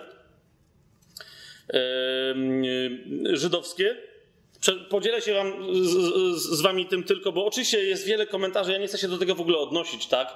Ale które całkiem słusznie zauważają, że skoro tęcza, bo o tęczę tutaj oczywiście chodzi, niebieską. Także skoro tęcza tutaj się pojawiła, to znaczy, że wcześniejsze warunki na Ziemi były takie, że zaistnienie tęczy były niemożliwe. Tak? Bóg z tej naturalnej zmiany, którą wprowadził na Ziemi po potopie, skorzystał i znakiem tej nawet naturalnej zmiany jest tęcza. Ale jednocześnie zwróćcie uwagę do, do hebrajskiej mądrości. Ja się odwołuję i, i wam to teraz też proponuję. E, zobaczcie, jaki jest komentarz e, w tej torze e, do, do tego wersetu. Położyłem moją tęczę na obłoku do, do, do 13 wersetu. Oni tutaj komentują, to jest. Yy, to jest fragment Sorach Chaim. E, cytuję: Ten, kto zobaczy tęczę, nieważne kiedy, tak? nieważne czy jest Żydem, no ale to jak nie jest Żydem, to o tym nie wiem. No ale dobra. Ten, kto zobaczy tęczę, powinien wypowiedzieć następujące błogosławieństwo. Błogosławiony jesteś Ty, Haszem, nasz Bóg, Król Wszechświata, który pamiętasz swoje przymierze. Jesteś godny zaufania w swoim przymierzu, bo dotrzymujesz swojego słowa. Rozumiesz? To jest przejęcie się słowem, jak Bóg powiedział, że jak jest tęcza i wszyscy, a tęcza. No to fajnie, no nie? Ja też tak czasem robię. Nie mówię też, że odmawiam to błogosławieństwo, że błogosławiony jesteś Haszem, zwłaszcza, że zwykle jak jest tęcza, to nie pamiętam tego błogosławieństwa, tak? Haszem to jest imię, chodzi o to, że, że Żydzi, to znaczy imię, Haszem znaczy imię i Żydzi zwykle zamiast Jahwe, e, ponieważ to, to imię jest święte, nie mówią Jahwe, tylko mówią zamiast tego Haszem, tak? E, więc ja też nie pamiętam. Ale widzisz, idzie mi o to, że prawdziwe przejęcie się słowem jest korzystaniem z wszystkich tych znaków, które Pan zostawił, z każdych praw, które, które, które, które nam dawał w ramach odnawianego z nami przymierza. I na przykład tęcza jest jednym z takich elementów, które nigdy w Biblii nie zostało e, przedawnione. Dlaczego? No bo przedawnione zostało przymierze synajskie, ale nigdzie Paweł, Jezus, nikt tam nie mówił, że, że się odnowienia przymierza tego pierwszego przy stworzeniu z Adamem zawartego, że, że, że na przykład właśnie, że odnowienie przymierza e, noachickie, jak niektórzy mówią, że, że, jest, że się też przedawniło. Nie, nie przedawniło się, jest absolutnie cały czas ważne. A więc za każdym razem możesz wspomnieć na wierność, na Boga wierność przymierzu i swojemu słowu i możesz pobłogosławić Jego za to, że On jest wierny i nie ma takiej możliwości, żeby On, nie będę teraz cytował wszystkich fragmentów Biblii, które o tym mówią, ale nie ma takiej możliwości, żeby On za takie błogosławienie Tobie wielokrotnym błogosławieństwem nie odpowiedział. A zatem jak widzisz tęczę, to się ciesz, no fajnie, ale nie ciesz się z tego, że widzisz tęczę, tylko pobłogosław Pana i uciesz się błogosławieństwem, które właśnie nadchodzi w Twoją stronę, ponieważ powołałeś się, czy powołałaś się yy, na, na przymierze z Nim.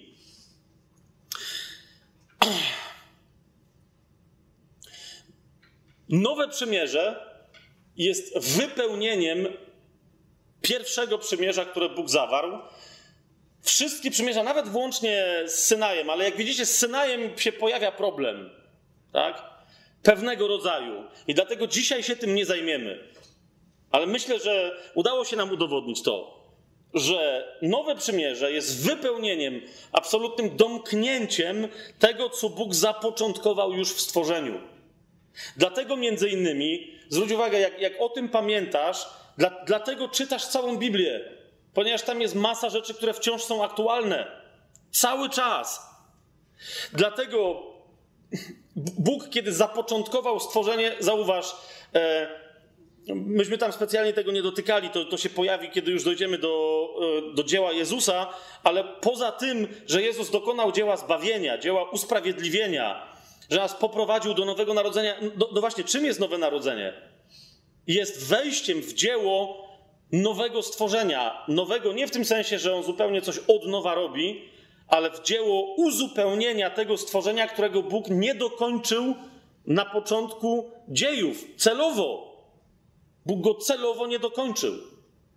Tak? Powiedział, że to jest dobre, to jest bardzo dobre, to jest cudowne, wspaniałe, a, a jednak siódmego dnia odpoczął. I ten od, odpoczynek szabatowy, o tym będziemy też w przyszłości jeszcze mówić, był zapowiedzią tego, że stworzenie zostanie domknięte. Chrystus przyszedł nie tylko po to, żeby zbawiać, nie tylko po to, żeby usprawiedliwiać podług prawa, żeby wypełnić to, co musiało być wypełnione ale też przyszedł po to, żeby dokończyć dzieła stworzenia. Tak? Tam gdzie, tam, gdzie rozpoczął, ale rzecz została jakby na chwilę zostawiona, on przyszedł, żeby w sobie tego wreszcie dokonać. I dlatego Paweł cał, całkiem słusznie woła: Oto wszystko stało się nowe. Wreszcie. Tak? Kiedyś było nowe, ale niedokończone, potem się popsuło, a teraz zostało i jest odnawiane, ale też wprowadzane wreszcie w całą pełnię stworzenia. A zatem stanie się chrześcijaninem i nowe narodzenie to nie jest tylko kwestia poradzenia sobie ze swoim grzechem przeszłym. W ogóle wydaje mi się, że taka wizja e, rozumienia chrześcijaństwa, że ktoś po prostu był grzesznikiem, a teraz przestał być e, i, walczy z tym swoim grzechem i tak dalej, jest, jest, jest jakimś kompletnym nieporozumieniem i właśnie niezrozumieniem przymierza. Nowe przymierze zaczyna się od nowego narodzenia, a nowe narodzenie jest, jest powstaniem do życia zupełnie nowej istoty stara przez łaskę Bożą, tak? Przez wyznanie wiary w Jezusa. Łaską bowiem jesteście zbawieni przez wiarę, tak? Przez ogłoszenie panowania Jezusa nad sobą, przez chrzest. Stara istota przede wszystkim umiera. To jest koniec. Tu akurat prawo mojżeszowe działa i ono właśnie po to zostało dane, żeby pokazać nam, e, no właśnie, ono jest nie, nie do zachwiania. Zapłatą za grzech, jak mówili z do Rzymian, jest śmierć i nie może być inaczej. Niektórzy mówią, no to Jezus za mnie umarł. Okej, okay. ale właśnie po to w wyznaniu wiary, po to w chrzcie, po to w niego najpierw wchodzisz, żeby zabić starego człowieka. Nie możesz zostać starym człowiekiem, tylko lekko obmytym. Nowe narodzenie nie jest odnowieniem, to nie jest restauracja. To jest pozbycie się siebie starego i przyjście na świat całkowicie nowym stworzeniem. Tak? To, jest, to, to, to jest powstanie, zrodzenie się w zmartwychwstaniu Chrystusa. Po to się człowiek zanurza w zanurzeniu, żeby zginął całkowicie, cała jego stara istota i natura, a powstaje, żeby się wreszcie stał nowy. Żeby, żeby powstaje nie, żeby mieć odnowione serce, ale żeby mieć wyrwane tamto stare serce i wyrzucone kamienne, żeby wreszcie dostał serce mięsiste, jak, jak to prorocy zapowiadali, żeby i Jeremiasz, i Ezechiel, serce z ciała, serce duchowe. To jest dopiero nowe przymierze. Tak? Teraz powiedziałem i, i, i, na tym już dzisiaj zakończę, ale tu, żeby, żeby pokazać, że no rzecz nie jest do końca taka prosta. Bo widzicie, niektórzy mówią, no ale to co to z tego chrześcijaństwa za, za nowe przymierze, skoro przepowiednia Jeremiasza się nie spełnia? I ja się z nimi zgadzam. Bo mianowicie mówią, e, Jeremiasz przecież zapowiadał, że kiedy Pan zawrze nowe przymierze, to nikt nie będzie pouczał nikogo, mówiąc poznaj Pana, Pan jest taki, czy Pan jest inny, czy i tak dalej, bo wszyscy będą go znali. A dzisiaj wystarczy spojrzeć na chrześcijaństwo raniące serce naszego Pana, podzielone, połamane, porozrywane, pokłócone e, do, do granic możliwości już dzisiaj. I jaki to jest dowód na to, że, że nastało nowe przymierze? No właśnie, no właśnie. E, to jest jedno. Częściowo moja odpowiedź jest taka, że my na razie, y, jest taka koncepcja w teologii, mniejsza to w różnych teologiach, w różnych szkołach teologicznych, ona się powtarza, która się nazywa już i jeszcze nie. I tak do, do, do, do rzeczywistości Nowego Przymierza, jak i do rzeczywistości Królestwa, myślę, że ta, ta zasada rzeczywiście tutaj się stosuje. Tak? Dlaczego my tego jeszcze nie doświadczamy? No chociażby dlatego, że Jeremiasz powiedział, że zawrze, że Bóg zawrze przymierze z domem Izraela i z domem Judy.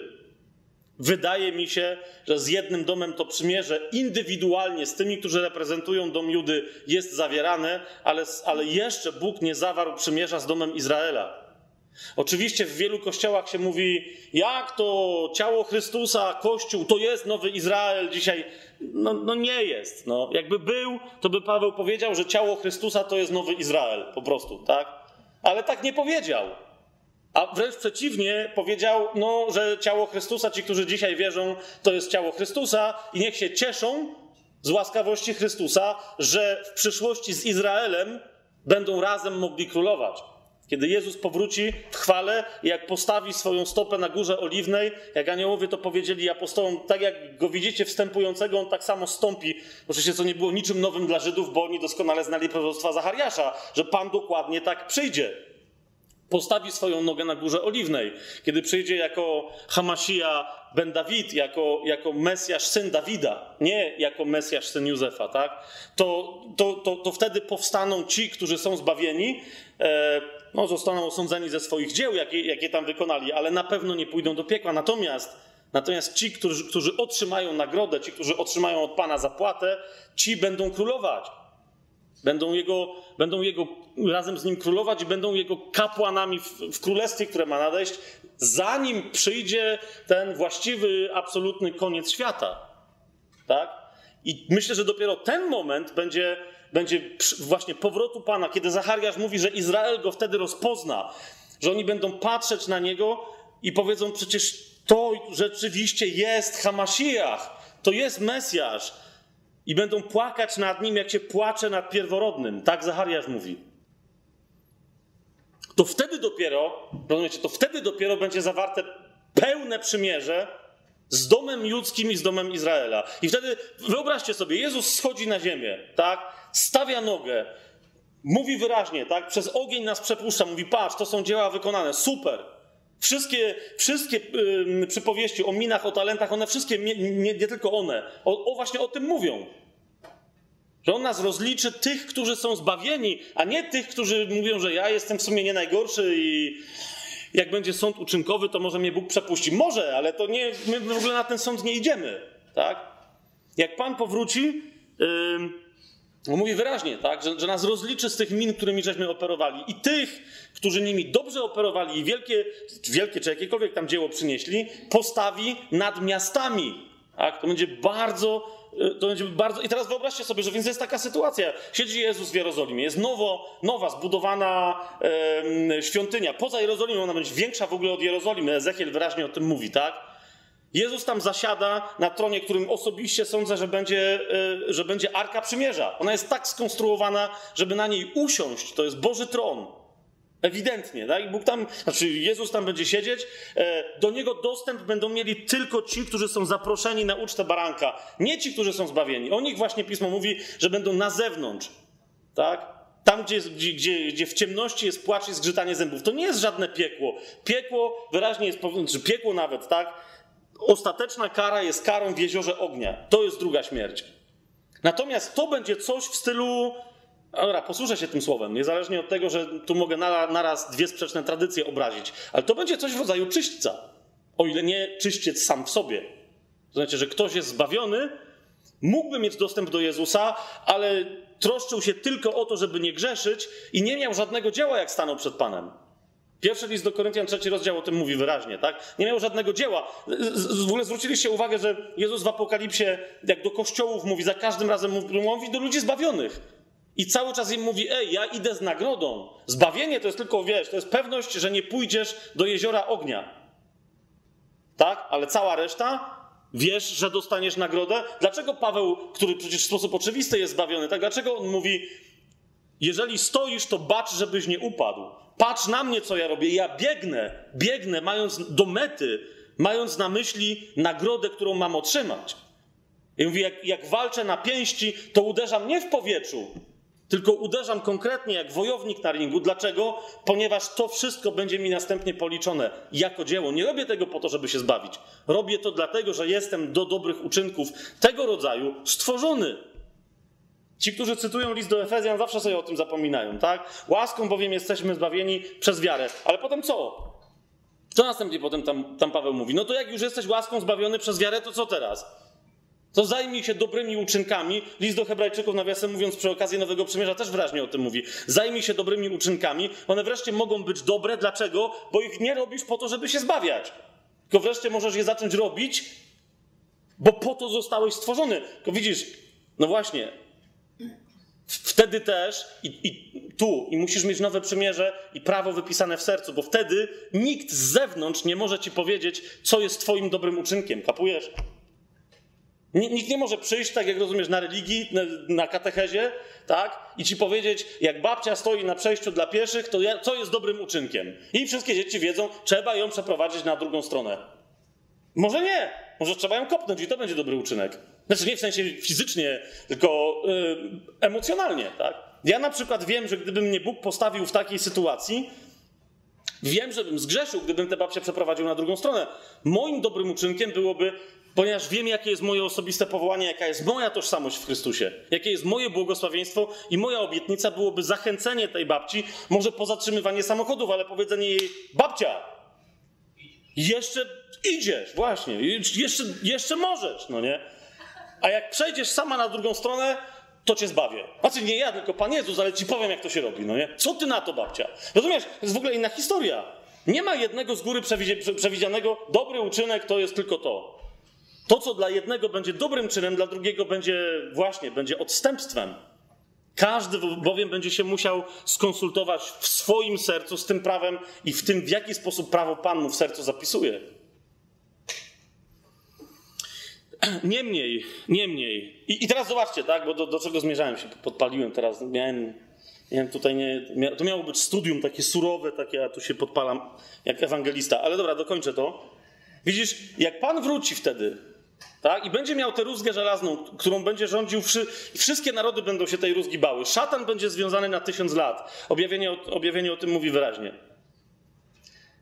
To wyobrażasz sobie, że jeszcze jakiś ciołek wtedy stanie naprzeciwko drugiego i będzie mu mówił: e, Nie wiesz, kim jest Pan?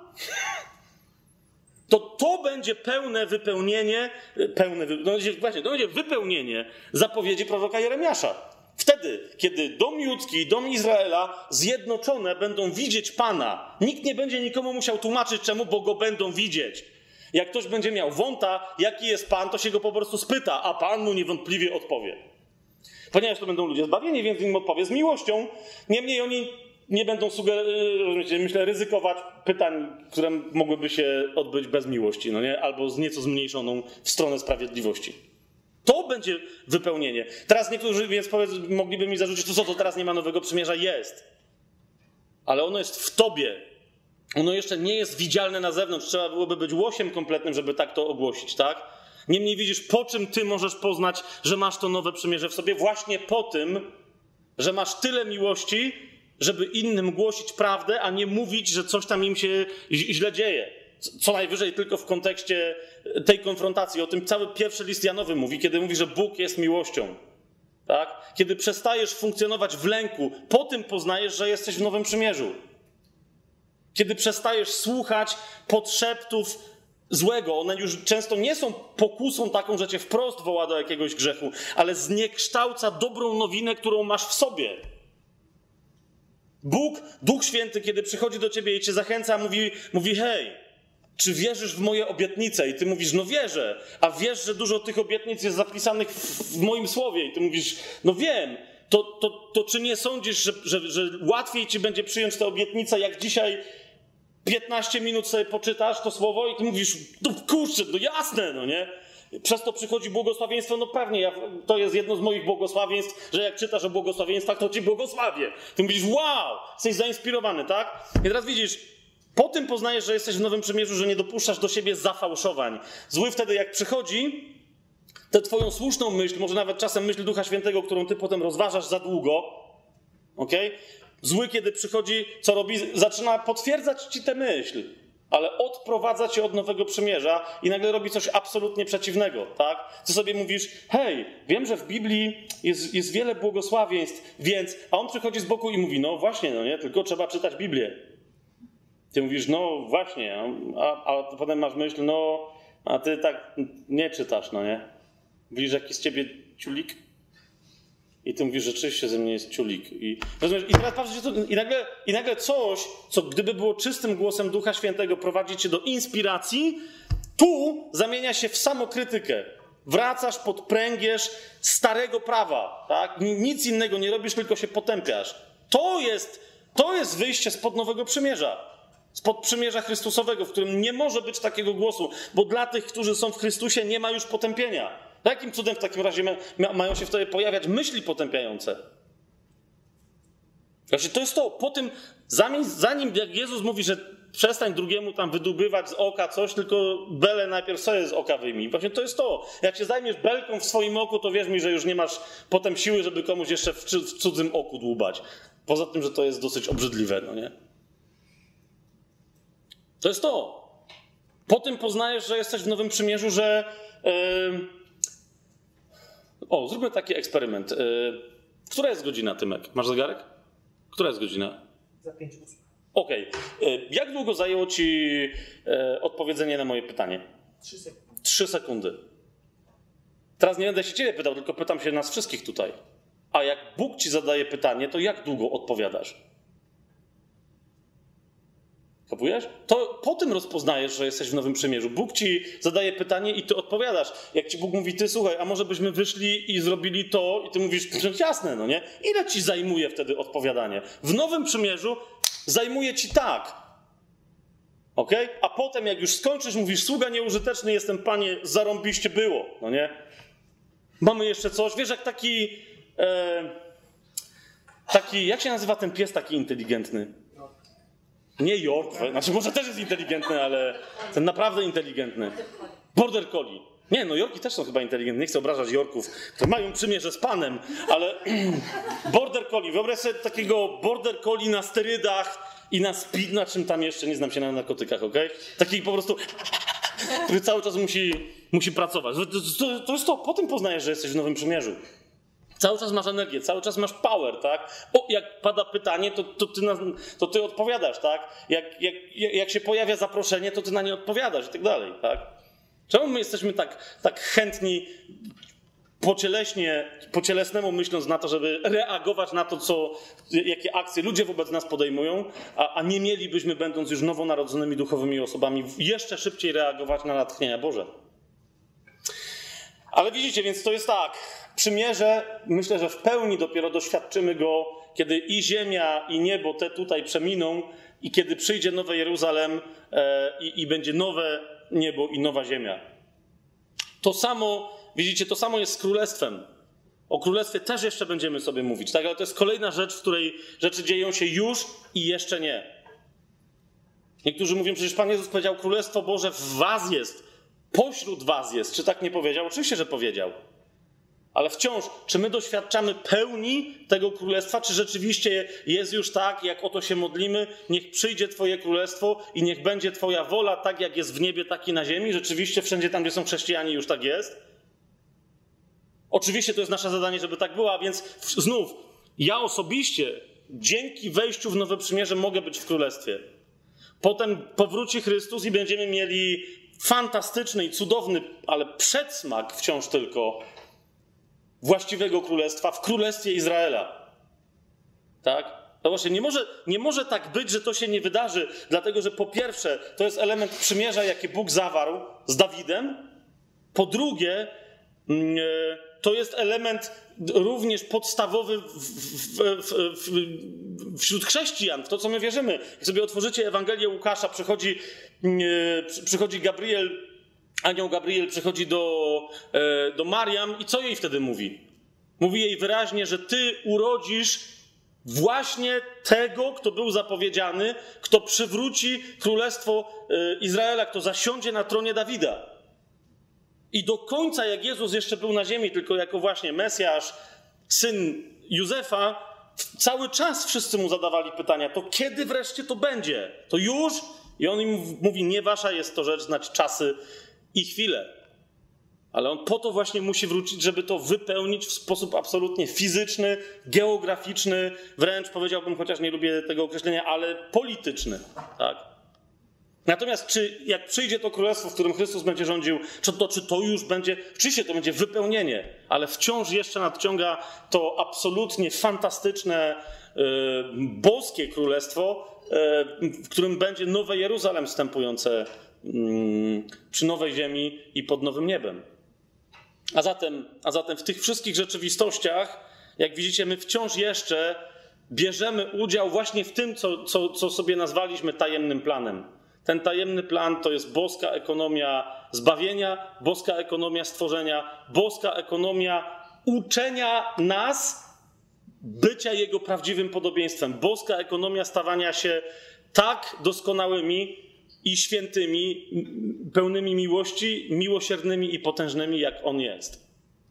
Dzieje się to stopniowo, ale kiedy my znajdujemy się pod nowym przymierzem w Twoim i w moim życiu, może to przybrać znacznie potężniejsze rozmiary i zamanifestować się w znacznie bardziej fantastyczny sposób, niż to zwykle w różnych naszych kościołach i wspólnotach jest, jest głoszone. Wczytaj się w słowo, wczytaj się w pełne przymierze od początku do końca.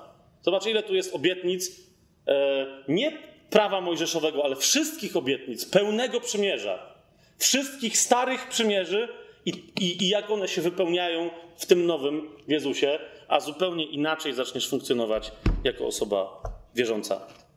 O tym, jak te następne przymierza e, wyglądały, jakie tam są zawarte obietnice, jakie moce, które powinny się w chrześcijanach e, uwolnić, no do tego będziemy już dotykać następnym razem.